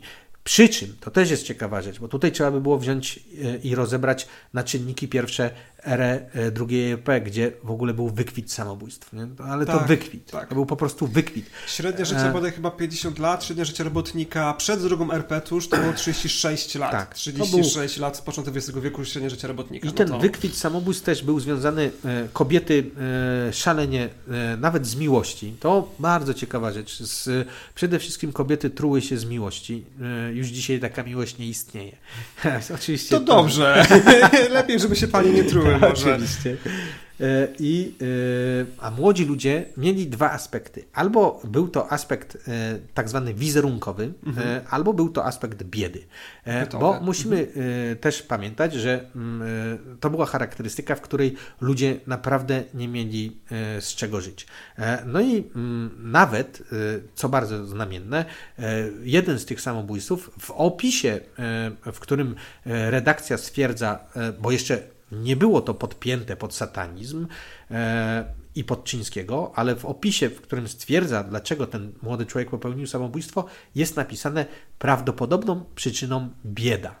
No, na ile e, te rzeczy były e, autentyczne, na ile nie, nie wiemy, bo mogło być tak, że on się za, zabrał, że tak powiem, na drugi świat ze względu na swoje warunki materialne i wykorzystał to Wotowski, ponieważ wiedział, że on należy do tego ugrupowania, a mogło być tak, że rzeczywiście, że Wotowski wiedział, że on należy do tego ugrupowania i coś się tam rzeczywiście dzieje i ma na to jakieś rzeczy i chciał to upublicznić po to, żeby mieć świadka, bo pamiętajmy, że dla niego najważniejsze było też stworzenie świadka, tak? E, No, później mamy też, e, też ciekawą rzecz, w której e, możemy wiedzieć, że coś mogło się dziać wewnątrz, ponieważ Wotowski pod e, e, swoimi inicjałami, ale nie pod pełnym imieniem i nazwiskiem, zeznaje sam w swojej książce, jakoby był na tego typu orgii, w której brał e, różnego rodzaju środki odurzające e, i w której był przywoływany szatan. E, Miał się ukazać jakieś rzekomo jedno kopyto e, tego szatana, e, to naturalne. No i e, miała być powszechna, powszechna i ohydna, od razu dodajmy, ohydna, cały czas podnoszona orgia. Tak to się miało tym skończyć. Oczywiście ona była na tyle ohydna, że Wotowski brał w niej udział. No, to też nie mógł bardzo... obrzydzenia później patrzeć w Tak, lustro. ale nie mógł z obrzydzenia patrzeć później w lustro. No, to tak się uformowało. No i, i to też jest wszystko fajne i śmieszne, tylko że tam e, no, umarło przynajmniej dwie osoby, nie? I Tak. to też ma jakąś swoją e, no ciemną stronę, nie? Ciemna, ta ciemna strona jest też ciekawa, bo ona jest fascynująca, ale z drugiej strony no nie możemy jej ulec, nie? No Zdecydowanie, bo powiedzmy sobie wprost, że Czyński sam siebie nie uważał za sat- satanistę. Skoro A, był martynistą, no to można powiedzieć, Oczywiście. że raczej był ezoterykiem bardziej chrystocentryczny, przynajmniej w pewnym Bez okresie zdań. swoje, swojego życia. Bez dwóch zdań. Natomiast no, ta No. ścieżka lewej ręki, tak byśmy Tak. ją określili, ta ścieżka lewej ręki też u niego była brana pod uwagę. I Mhm. tutaj od razu płynnie przeszedłbym do tej pewnej ciekawostki, bo No. u takich ezoteryków to jest dość znamienne. E, I przedstawiłbym postać, e, o której chcemy nakręcić film Aha, e, oczywiście. Mhm. dokumentalny z bardzo fajnym zespołem. E, Darkiem Misiuną, e, Tomkiem Stawiszyńskim, Łukaszem Orbitowskim, Olgą Drendą i Janem e, Przyłuskim na temat takiej właśnie postaci, która również była fenomenem i która też dotykała tej ścieżki lewej ręki, niejaki Lech Emfazy Stefański. Z jednej strony potężny artysta, e, który był no, e, współtwórcą Teatru na Tarczyńskiej z Białoszewskim, ale właściwie jego twórcą, o czym się mało mówi, a z drugiej strony założyciel e, polskiej psychotroniki, eksperymentujący i to bardzo poważnie, tak poważnie, że właśnie był oskarżany również tak jak Czyński. Notabene, co bardzo ciekawe, ja Czyńskiego poznałem przez Stefańskiego. Ponieważ O. Stefański, tak, zrobił monodram, w którym występował przebrany z insygniami e, odwróconego krzyża, z symbolami satanistycznymi, e, opowiadającym o Czesławie Czyńskim. O. I on jako pierwszy dotarł do e, żyjącej na wówczas wnuczki Czesława Czyńskiego, Zofii Czyńskiej i on zaczął zbierać materiały tyczące Czesława Czyńskiego. E, I on był zafascynowany ciemną stroną Czesława Czyńskiego i sam uległ poniekąd, przynajmniej jeśli chodzi o różnego rodzaju komentarze odnośnie jego osoby, tej fascynacji ciemną stroną, no bo był również oskarżany identycznie jak Czyński o deprawację młodzieży, e, podawanie im narkotyków, o stosowanie hipnozy w stosunku do nich, o anegdoty, które tam były, e, były już takie, że ludzie dostawali zawałów serca na tych seansach, bo Stefański wprowadzał ich w taki stan posthipnotyczny, że oni e, uważali, że patrząc do lustra, że nie mają głowy. Był taki pan rzekomo, e, tak, że w lustrze zobaczył się bez głowy i dostał zawału serca. E, no, e, patrząc na to przez pryzmat, czy hipnoza może tego dokonać, czy nie, podkreślmy, że nie może. Natomiast mhm. anegdoty, które krążą po dziś dzień, mówiły o tym, że E, Lech z emfazy stefański no, jest jakby z tym czarcim kopytem bardzo mocno związany. E, no i my chcielibyśmy na ten temat nakręcić film dokumentalny. Mhm. Ogłosiliśmy nawet na ten temat zrzutkę. E, Musimy wpłacać. Pro... Oczywiście zachęcamy. Wiemy, że teraz nie jest łatwo i że system zastanawiający się nad tym, czy będziemy mieli czym palić w zimie, a tym, czy mamy wesprzeć wrzutkę, może być jednoznaczny, ale... Ewentualnie ogień piekielny ogień z tego piekielny. Stefańskiego, jak będziecie tak. oglądać film, być może ogrzeje wasze mieszkania, A więc na pewno do wpłacania. ogrzeje wasze serca. Na zrzutka.pl bodaj, tak? na zrzutka.pl. Czy pamiętasz, jaki jest tytuł tego projektu?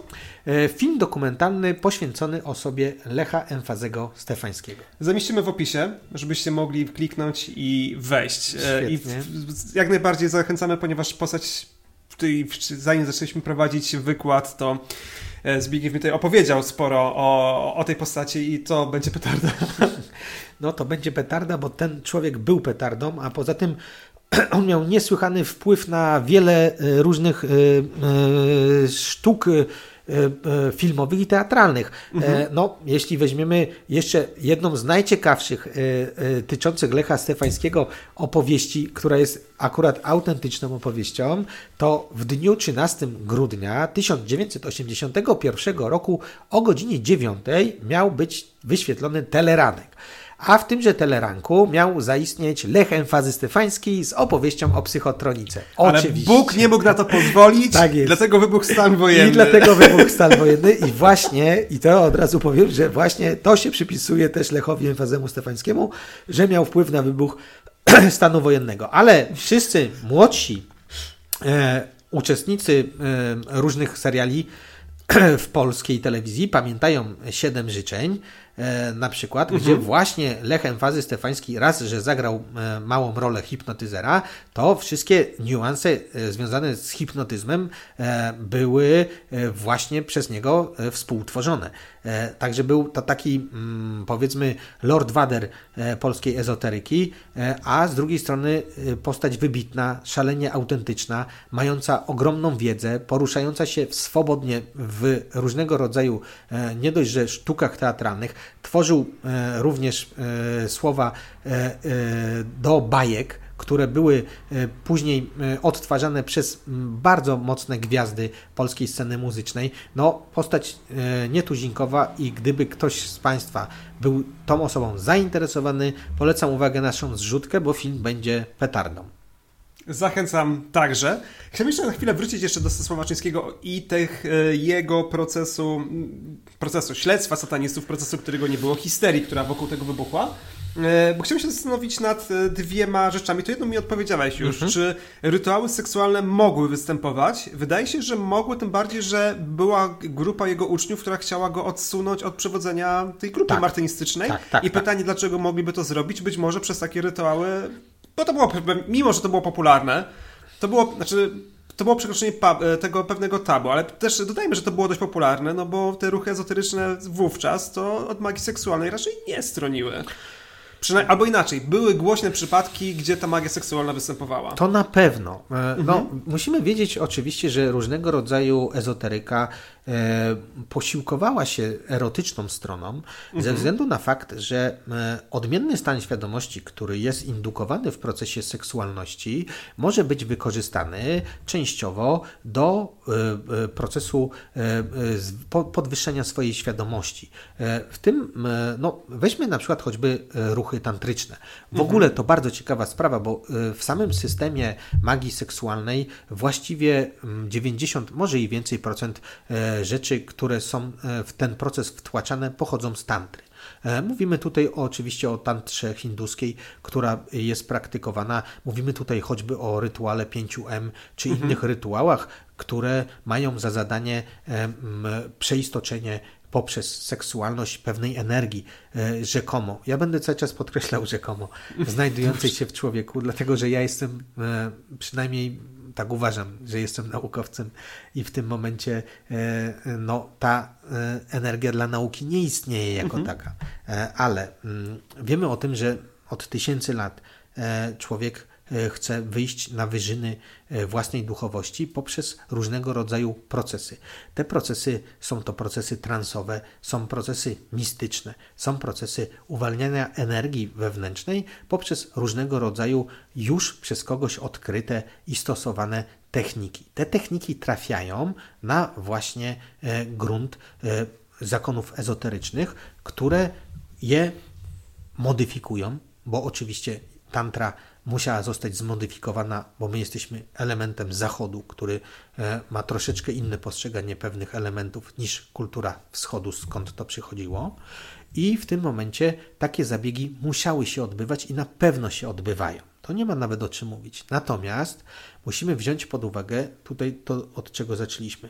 Rzeczywiście coś musiało się dziać, bo mamy słynny list do następcy papusa, bo papus już wtedy nie żył, niejakiego Bricarda, w którym e, uczniowie mówią o tym, do czego dochodzi podczas e, tych ich zebrań. Niestety tego listu nie mamy. On się nie zachował. Ja przeszukałem to, co mogłem przeszukać. Myślę, że może kiedyś otworzę jakąś starą książkę i taki list znajdę, bo takie rzeczy się dzieją, e, ale my go nie wiemy. Ma, mamy na pewno pełną świadomość, że taki list był i że uczniowie Cińskiego się na niego skarżyli właśnie poprzez ten e, mm, e, list e, ten martynizm został podzielony w Polsce, czyli została zrobiona schizma martynizmu. Boczyński założył wtedy ten zakon Ordo Templi, Boże, Ordo Albi Orientis. I w tym momencie wiemy, że to musiała być jakaś przyczyna. Jest, wiemy, mamy wyimek z tego listu, w którym jest napisane, że chodzi o zachowanie nielicujące z godnością. E, co oznacza, że mamy albo sprawę e, tych słynnych e, hipnotycznych uwiedzeń, mm, mhm. Boczyński niestety, ale z nich nie zrezygnował, bo w taki sposób często zarabiał pieniądze, albo mamy jakąś sprawę wewnątrz kręgu martynizmu, polegającą może i na sprawie związanej z rytualnością seksualną. Na dzień dzisiejszy nie jesteśmy w stanie jednoznacznie e, tego odpowiedzieć. Możemy tylko i wyłącznie przypuszczać. Natomiast była to sprawa dość poważna, ponieważ mhm. Czyński, który był e, no, bardzo ważną osobą dla tego zakonu martynistów, tak. został z niej zdegradowany. Ale co ciekawe, też bardzo ważna sprawa, w momencie kiedy e, Czyński odchodzi z tego, tworząc własny zakon, niemal 90% tych osób z tego martynizmu przechodzi do, tego jego, do tej nowej komórki. To oznacza, mhm. że nie wszystkim to przeszkadza. Chyba nie. Zamyśliłem no w swojej książce też y, pracę Czyńskiego, tak. czy Miłość, Śmierć i Tajemnica, duch, e, tajemnica Ojca i Ducha Świętego. Tak jest. Są to też niezwykłe książki, które, znaczy przynajmniej niezwykłe teksty, które on dyktował. I tak sobie myślę, czy Wotowski tylko w, przy tym swoim satanizmie to tylko i wyłącznie chciał zdegradować Czyńskiego, co jest oczywiście bardzo prawdopodobne, mhm. e, zemścić się na nim, co jest też prawdopodobne, czy on rzeczywiście się odnosił do pewnych nauk Czyńskiego, dlatego że z jednej strony mm, w, tym, e, w tej pracy o śmierci pojawia się informacja o tym, że śmierć dla profana jest totalnie przerażająca, tak jest. ale śmierć dla osoby, która jest już wtajemniczona, ona jest inna. To jest taka, to, to jest przyjście do, nie pamiętam jakiego użył określenia. O, już mam. Śmierć to pocałunek Boga, to pieszczota Ojca Uniwersum. Tak jest. Takie się pojawia sformułowanie. No, tutaj mamy też taki, mhm. to też bardzo ciekawa sprawa. Ta? Aczkolwiek nie samobójstwo, tutaj dodajmy wprost, żeby tak, to oddzielić. Jasne, to jest jasne, mowa jasne, tylko o śmierci, a nie o samobójstwie. Oczywiście. Żeby jednak nie, nie, nie za bardzo przy ufać czym, Wotowskiemu. Przy czym, mhm. przy czym no, tutaj mamy też, no Wotowski, tutaj y, od razu dodajmy, uważał, że y, ta śmierć tych samobójstw jego uczniów może być próbą e, takiego sprawdzenia przez Czyńskiego, e, czy jest w stanie się e, kierować pewną energią podczas śmierci. Mhm. Tu mamy też ciekawy przypadek, kasus sprawy E, w której, nie wiem czy czytałeś taką książkę Śmierć na Diamentowej Górze. E, gdzie... Fragmenty mam no, na pewno przerobie, jest... bo to jest, pokazuje pewną mroczną formę zachodniego buddyzmu. buddyzmu. No zachodniego właśnie, buddyzmu. No Chociaż właśnie. Wschodnie też Ale i w Polsce, mhm. gdybyśmy e, mieliśmy e, pewnego jogina, czy mhm. wyznawcę buddyzmu, który e, e, doprowadził do śmierci swoją uczennicę. O kurczę, nie znam tego tematu. O, no to bardzo ciekawy temat. W którym doprowadził do śmierci swoją uczennicę w ten sposób, że najprawdopodobniej chodziło tam o przyduszenie e, podczas... Tak, znam, on tak. był skazany i był chyba w, prosił o ułaskawienie nawet. Bardzo ciekawa sprawa mhm. i bardzo ciekawa sytuacja. E, no i tutaj, dlaczego o tym mówię? Bo tu byłaby pewna koincydencja. O mhm. tak zwanym e, wy, uruchamianiu procesu tej rzekomej energii podczas uwalniania, podczas procesu śmierci mhm. i jakby ukierunkowania tej energii mhm. Mm, podczas samego procesu śmierci i ponoć po to mogły być potrzebne e, te zabiegi właśnie czyńskiemu. Mm, ja tutaj robię taką paralelę celową, żeby mm, osoby, które się tym interesują, wiedziały, do czego można nawiązać. Polecam wydawnictwo Czarne Śmierć na Diamentowej Górze. E, raz, że jest tam chyba jeden z najfantastyczniejszych opisów, jeśli chodzi o nazwę, mm, czym jest rzeczywiście prawdziwe urzeczywistnienie natury własnego umysłu, czyli oświecenie. Mhm. Nie wiem, czy jest ktoś tak pięknie, kto potrafił zdefiniować tą naturę umysłu, jak właśnie w tej książce.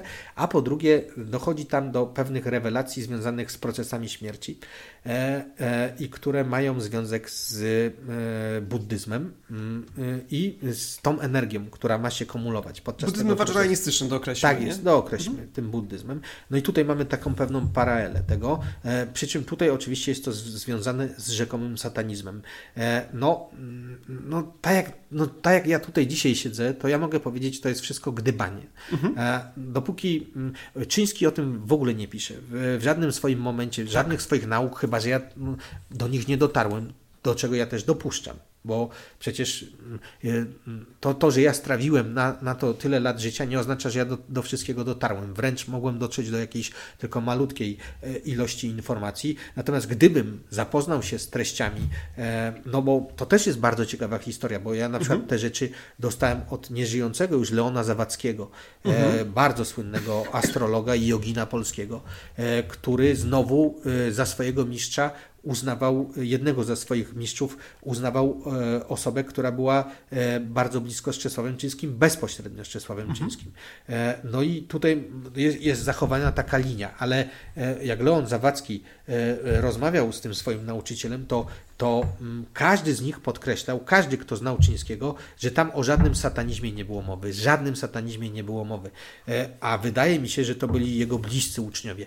Ale Tutaj musimy dodać, że znowu patrząc na to przez pryzmat tego, gdyby mnie ktoś dzisiaj zapytał, czy uprawiałem magię seksualną i wywoływałem szatana, to bym powiedział, co wyście zwariowali. no więc może też tak być, tak? Rozumiem. No właśnie, może też tak być. Przepraszam, bo tu znalazłem też te, w tych jego pracach mimo wszystko fragmenty ciekawe. Po pierwsze dotyczących tych e, ewentualnego wykorzystania magii seksualnej, no to podstawa merytoryczna, szczególnie w tej tajemnicy tak, ojca. Tak, w tajemnicy jest. ojca jest. Tak, bo tam jest. W tajemnicy ojca jest. Dodajmy, że, że Czyński tam stwierdził, że imię JHWH boskie tak. to jest e, zjednoczenie kobiety i mężczyzny. W tak. inny sposób no, w śmierci tylko, też pisał o tylko, tym. Że to, no tylko, że tutaj mam, mamy taki e, bardzo mocny jednak paradygmat gnostyczny. Tak, nie? tak, tak. energię. Tutaj powiedziałem zjednoczenie kobiety i mężczyzny, tak. przepraszam o proszczenie, chodzi o zjednoczenie energii męskiej tak i żeńskiej, tak. co może być oczywiście usprawiedliwieniem do pewnych rytuałów seksualnych, ale być nie musi. Ale być nie musi, mhm. właśnie, bo tutaj mamy też zjednoczenie, musimy też uważać na te wszystkie zjednoczenia, które niekoniecznie muszą być na e, strefie mhm. erotycznej, a na strefie mentalnej, przynoszącej pewnego rodzaju y, znowu rzekomą energię podczas tego zjednoczenia tych umysłów. Mhm. Wcale to nie musi być tutaj element czy y, pierwiastek seksualności, choć oczywiście na niektórych parametrach e, on, e, oni się nim posiłkowali. No nie możemy tego powiedzieć, że się nie posiłkowali, bo się posiłkowali. Mhm. Natomiast, no tak jak ja mówię, no ja jestem człowiekiem, który raczej e, jest w stanie bardziej przyznać się do tego, że czegoś nie wie, niż powiedzieć o tym jednoznacznie, że wiem, dlatego mhm. że no, no naprawdę na dzień dzisiejszy temat e, jest tak bardzo mocno mm, już przykurzony w sensie przede wszystkim danych, e, że no, jak weźmiemy e, choćby tą fascynację Stefańskiego, mhm czyńskim, no to ona też nie wzięła się znikąd. On też tam z kimś musiał rozmawiać, E, że on był aż tak tą, tą jego mroczną stroną zafascynowany i coś mu to musiało wyjść z tego, a już na przykład y, y, Zofia Czyńska, czyli wnuczka Czesława mhm. Czyńskiego, e, uważała, że to są wszystko kalumnie i że to jest wszystko pomówienie, że to zrobili, zniszczyli dobrego człowieka i ona to opisuje w swoich y, pamiętnikach tam niektórych, mhm. do których dotarłem, w których ona znowu też rozmawiała, bo ona żyła w czasach, gdzie żyli uczniowie tak. Czesława tak. Czyńskiego i oni absolutnie i kategorycznie zaprzeczali tego typu rzeczom. Ale no to też mogli jej mówić taką rzecz, że no mogli mówić to po prostu, żeby jej nie sprawiać przykrości, tak? Oczywiście, no tak. Właśnie. No bo w, tak naprawdę skoro nie mamy innych świadectw niż teksty, które sam podyktował Czyński, e, to trochę się w nie zagłębiłem, w te, które oczywiście tutaj udostępniłeś, bo nie, nie, nie, nie będę kłamać, że szukałem gdziekolwiek dalej. No bo e... nigdzie dalej ich nie znajdziesz. No, dzięki, dzięki, dzięki, dzięki, dzięki tobie mogłem do nich dotrzeć. E, słuchaj, ale tu mam taki fragment, który mnie zaintrygował. Konkretnie, bo powiem tak, ja, ja, nie uważam, żeby Czyński, to od razu tutaj powiem też wprost i chcę, żeby to dobrze wybrzmiało, żeby Czyński był satanistą w rozumieniu satanizmu jako Ale to diabła. na pewno bez dwóch zdań nie był. Ja tak, więc w 100% uważam, że Wotowski, to co powiedziałeś, że to był konflikt dwóch samców, którzy każdy chciał mieć e, swoją popularność i mieć tak. swoje kochanki i bardzo podobnie, to się absolutnie zgadzam, że to był typowy konflikt ewolucyjny, tak bym tak, powiedział, o zasoby. Tak o zasoby. Bardzo brutalnie. O zasoby. E, I prestiż oczywiście, który się wiąże z tymi zasobami. E, natomiast jeśli chodzi o tą warstwę gnostyczną e, i tamto przedstawianie Boga, szatana, to różnie bywało w różnych ruchach gnostycznych. Ale jasne. I tutaj mam pewien fragment, który chciałbym zacytować. Mhm. który bardzo mnie zaintrygował, ponieważ w czyński postać jakby w w jednym z przynajmniej tych swoich tekstów, które dotował, e, o miłości, tak, to jest bodaj miłość, nie, przepraszam, to jest o śmierci, e, to on zdefiniował, że istnieje energia męska w postaci Boga, Ojca, Samca wręcz wprost mówi, tak. która jest tą energią, e, powiedzmy tą, która, esencją, która wpływa na różny świat materialny. Świat materialny to jest esencja kobieca, się dobrze zrozumiałem, natury. Tak. Tak to gdzieś można byłoby zrobić. I z tego, syntezy jednej i z drugiej, gdzieś jeszcze się pojawia energia syna. Tak. I teraz tak, ten samiec to raczej Bóg Ojciec, tak przynajmniej wychodzi mi, też przynajmniej tak to odbierałem, że, bo, że to jest, ma pewne formy Boga Ojca. Syn to jest, e, no wiadomo, to jest syn też z Trójcy, czyli, czyli później to jest postać Chrystusa, przynajmniej tak to było Ale to musimy też powiedzieć tutaj w tym no? momencie, że ci przerwę, tak, że tak, tak, gdybyśmy oczywiście. na to patrzyli pod względem gnostycznym, tak to weźmy pod uwagę, że tutaj mamy Demiurga jeszcze. To dokładnie chcę to powiedzieć. A, chcesz to powiedzieć. Tak, no znaczy, chcę, chcę, do tego dojść, Oczywiście. bo y, znaczy pewnie za chwilę dojdziemy do tego Demiurga, bo tu mamy taki jeden fragment, który wydaje mi się, że on wprost nawiązuje do apokalipsy i pewnego przeistoczenia mhm. też magicznego. Przeczytam go po prostu. Oczywiście. Wglądnijcie w wielką księgę hieroglifów ziemskich. Oto samca ryczącego, niosące piętno, a przepraszam, samce ryczącego, niosące piętno fizyczne Boga pożarłoby małe, czyli syna, gdyby natura ich opatrzność nie czuwała przy serce matki, nie uzbrajała jej słabości siłą straszną, aby je chronić od pazurów i kłów samca. I popraw mi się się mylę, ale ja tutaj widzę dużą analogię bodaj do księgi 12 Apokalipsy, gdzie niewiasta tak, chroni to, dziecko przed smokiem, który chce pożreć dziecię. To bez dwóch zdań, to mhm. na pewno tak jest, ale A ten tutaj... smok, to powiedzmy wprost, Apokalipsa mówi, że nazywa się diabeł i szatan. A tak, ale z drugiej A, no strony no też możesz wziąć pod uwagę e, e, narodziny e, psychoanalizy. Tak. Możesz wziąć pod uwagę fascynację Czyńskiego rzeczami on był zafascynowany badaniami francuskich e, lekarzy, e, e, którzy wtedy jednoznacznie też szli w, stronę Freuda, początkującego wtedy. No i mamy tutaj też konflikt na, na tym poziomie. Mamy konflikt tego, że po prostu jest matka, która mhm. broni swojego dziecka przed ojcem, tyranem, który może być poprzez zazdrość w stosunku do uczucia, jakie mhm. matka żywi do tego swojego syna, e, tutaj tą bestią. Tak, który e, być może chce ją zabić, albo właśnie będzie chciał zabić ojca, pojawi się kompleks edypalny O to tak właśnie tak chodzi, o to właśnie chodzi. I ja Aha. to tutaj to odczuwam, e, odbieram na dwa, na dwa poziomy, bo, mhm. bo musimy wziąć pod uwagę, że jednak Czyński w całym procesie, który robił, on szalenie starał, ale to szalenie. To samo, co później zrobiła psychotronika starał się unaukowić bo mhm. w każdy sposób ten siłę hipnotyzmu, tych elementów magicznych, innych tego typu rzeczy. On był zafascynowany. E, on kochał wręcz Ochorowicza. On patrzył na wszystkie elementy e, tego badania przez Ochorowicza e, zjawisk mediumicznych, tego typu innych mhm. rzeczy. On był tego fascynatem. Oni... Dajmy, że Ochorowicz, nie wszyscy wiedzą, jest postacią, która była pierwowzorem szalonego naukowca z lalki Bolesława Prusa. No, był przyjacielem Prusa. Mhm. Tutaj mamy wielu spadkobierców myśli Ochorowicza, I tutaj mamy od razu przypomnę Igora Strojeckiego, polecam e, patrzenie na jego fenomen, bo to jest w linii prostej człowiek związany z Ochorowiczem, który kultywuje pamiątki z nim związane. I pozdrawiamy przy okazji Muzeum w Wiśle, Ochorowiczówkę, która no raz, że robi wspaniałe wystawy tak zwanego magicznego realizmu, to dwa, że ma cały czas stałą wystawę poświęconą Julianowi Ochorowiczowi. Ktokolwiek w Wiśle idzie do Ochorowiczówki. E, no i tutaj mamy Juliana Ochorowicza, fascynację czyńskim i teraz, żeby to ładnie splątać, e, nie wiemy, czy Czyński idzie prostą ścieżką gnostyczną, czy e, w gnostycyzm dokłada uniwersum naukowe rodzącej się wtedy psychologii, czy po prostu ma jeszcze jakieś inne względy, żeby te rzeczy w taki sposób opowiedzieć.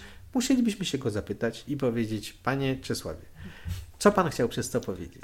Bo wiecie o tym, że choćby z ostatniej matury e, ludzie dostają jedynki z tego, w jaki sposób interpretują wiersz, tak. a później pytają autora i autor mówi doskonale, brawo, świetnie to zrobiłeś, a nauczyciel daje Zero punktów. Zero. Nie no, oczywiście, znaczy jakbym miał chyba w coś celować, bo ja sobie lubię pozwolić czasami na, mimo wszystko na gdybanie, to wydaje mi się, że to dochodziło oczywiście do, do, syntezy wszystkiego, co mu wpadało do głowy, bo gdzieś on poszukiwał pewnie prawdy, a tak z drugiej strony jakbyśmy Jakiegoś go... uniwersum, choćby tak. to słowo uniwersum, do którego tak. się zwraca. Tak? Oczywiście, tak? ale z drugiej strony, gdybyśmy go zapytali, to ja nie sądzę, żeby on nam chciał cokolwiek wyklarować. Znając go, to raczej by chciał zostawić tą aurę tajemnicy i niedopowiedzenia. Tak, tak, to też była taka aura nabzdyczenia.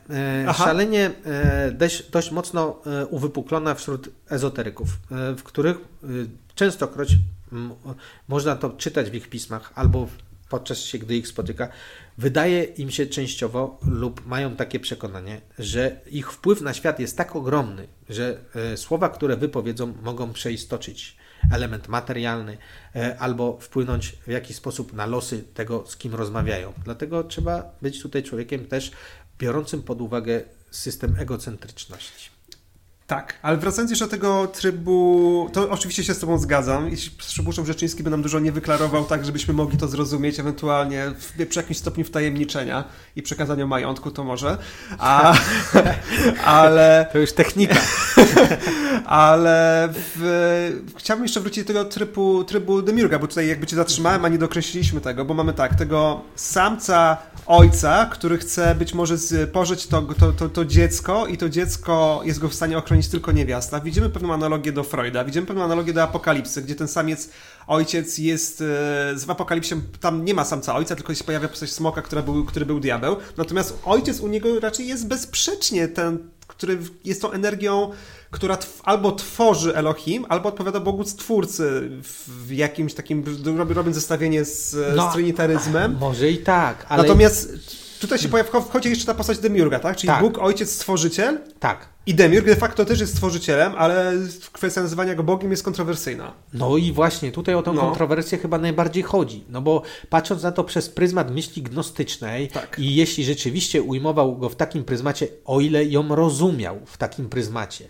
Mhm. E, jeśli weźmiemy pod uwagę, dlaczego mówię o ile rozumiał? Dlatego, mhm. że jak czytam jego e, listy do papusa w postaci, jak chciał uzyskać stopień kabalisty, jak zaczyna robić dywagacje kabalistyczne, a oczywiście mówimy o kabalistyce chrześcijańskiej, to e, gdyby jakiś pierwszoklasista kabalistyczny wziął jego dywagacje e, i zaczął je rozbierać na czynniki pierwsze, to by się okazało, że on nie ma o kabale zielonego pojęcia. Mhm, no Ale tak. jeśli rozumiał gnostycyzm w taki sposób, jak go rozumiał na przykład Jerzy Prokopiuk, nieżyjący, świetny Nestor, e, opowieści o gnozie, choć wątpię, żeby tak go rozumiał, bo to było wysokie zrozumienie, no to mamy tutaj Demiurga jako stworzyciela, ale który niekoniecznie jest tworzycielem dobrym, tak? w tym momencie może nam się pojawić też figura tego, kto, jak interpretuje się szatana. Oczywiście w gnozie jest to inna interpretacja niż w chrześcijaństwie, tak? E, ten demiurg też coś przynosi. E, nie tylko e, daje samo w sobie zło, ale też coś przynosi. Też może być siłą, która przeistacza i to niekoniecznie w sposób zły. Mm, I tutaj mhm. też widzę takiego, takiego ojca, który w tej polemice, o której teraz mówimy, w której Ciński go w taki sposób reprezentuje, że jest to moc, ta moc może być i gniewna, mhm. ale jest to moc, która pokazuje coś, coś przeistacza. Bez tej mocy matka mogłaby po pierwsze nie pokazać tej opieki, tak.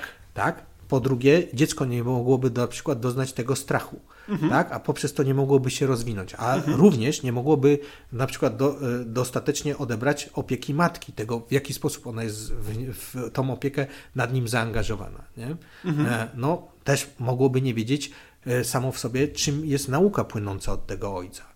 I tutaj ja w ten sposób to interpretuję, ale nie uważam, że mam rację. Rozumiem. Nie, no chciałem po prostu pokazać, e, znaczy jakby postawić tezę, że Wotowski we wszystkich swoich dyrdymałach, które wymyślał, mógł się oprzeć na pewnych wrażeniach, które wynikały ale z tego, co Czyński mówił i że przedstawienie oczywiście. tego ojca jako zagrażającego dziecku, to jakby ja to jako osoba, która dość mhm. mocno się wczytywała w apokalipsę, widzę tą analogię, którą on też mógł zobaczyć. A no, oczywiście, no, bez I dwóch zdań to wtedy wiesz... Oczywiście Czyński mu powiedział, ale nie, ty nie rozumiesz, ja nie jestem, to nie chodzi o czczenie szatana, nie tak. ma mógłby nawet tak. powiedzieć, nie ma szatana, jest tylko pewnego rodzaju energia, energia. którą my tak nazywamy. Oczywiście. E, no a Wotowski powiedział, aha, mówisz, że nie ma szatana, więc jesteś szatanem, bo ten, kto mówi, że nie ma szatana, to oczywiście. Przez niego szatan przemawia. Tak mogło być. No. Dobrze, dziękuję Ci bardzo. To ja dziękuję bardzo. E, polecam jeszcze raz książkę.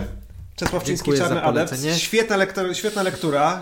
Dużo ciekawych informacji, o których wszystkich nie powiedzieliśmy. Na przykład nie powiedzieliśmy, tu się jeszcze znajduje, jak zginął brat e, Czesława Czyńskiego, tak. a to jest związane o. z teatrem i z inną rodziną aktorsko-ezoteryczną związaną z Krakowem. Sprawa.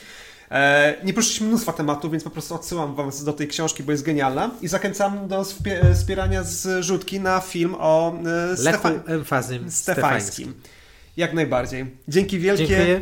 I zachęcam także do wspierania podcastu na Patronite i do usłyszenia za jakiś czas.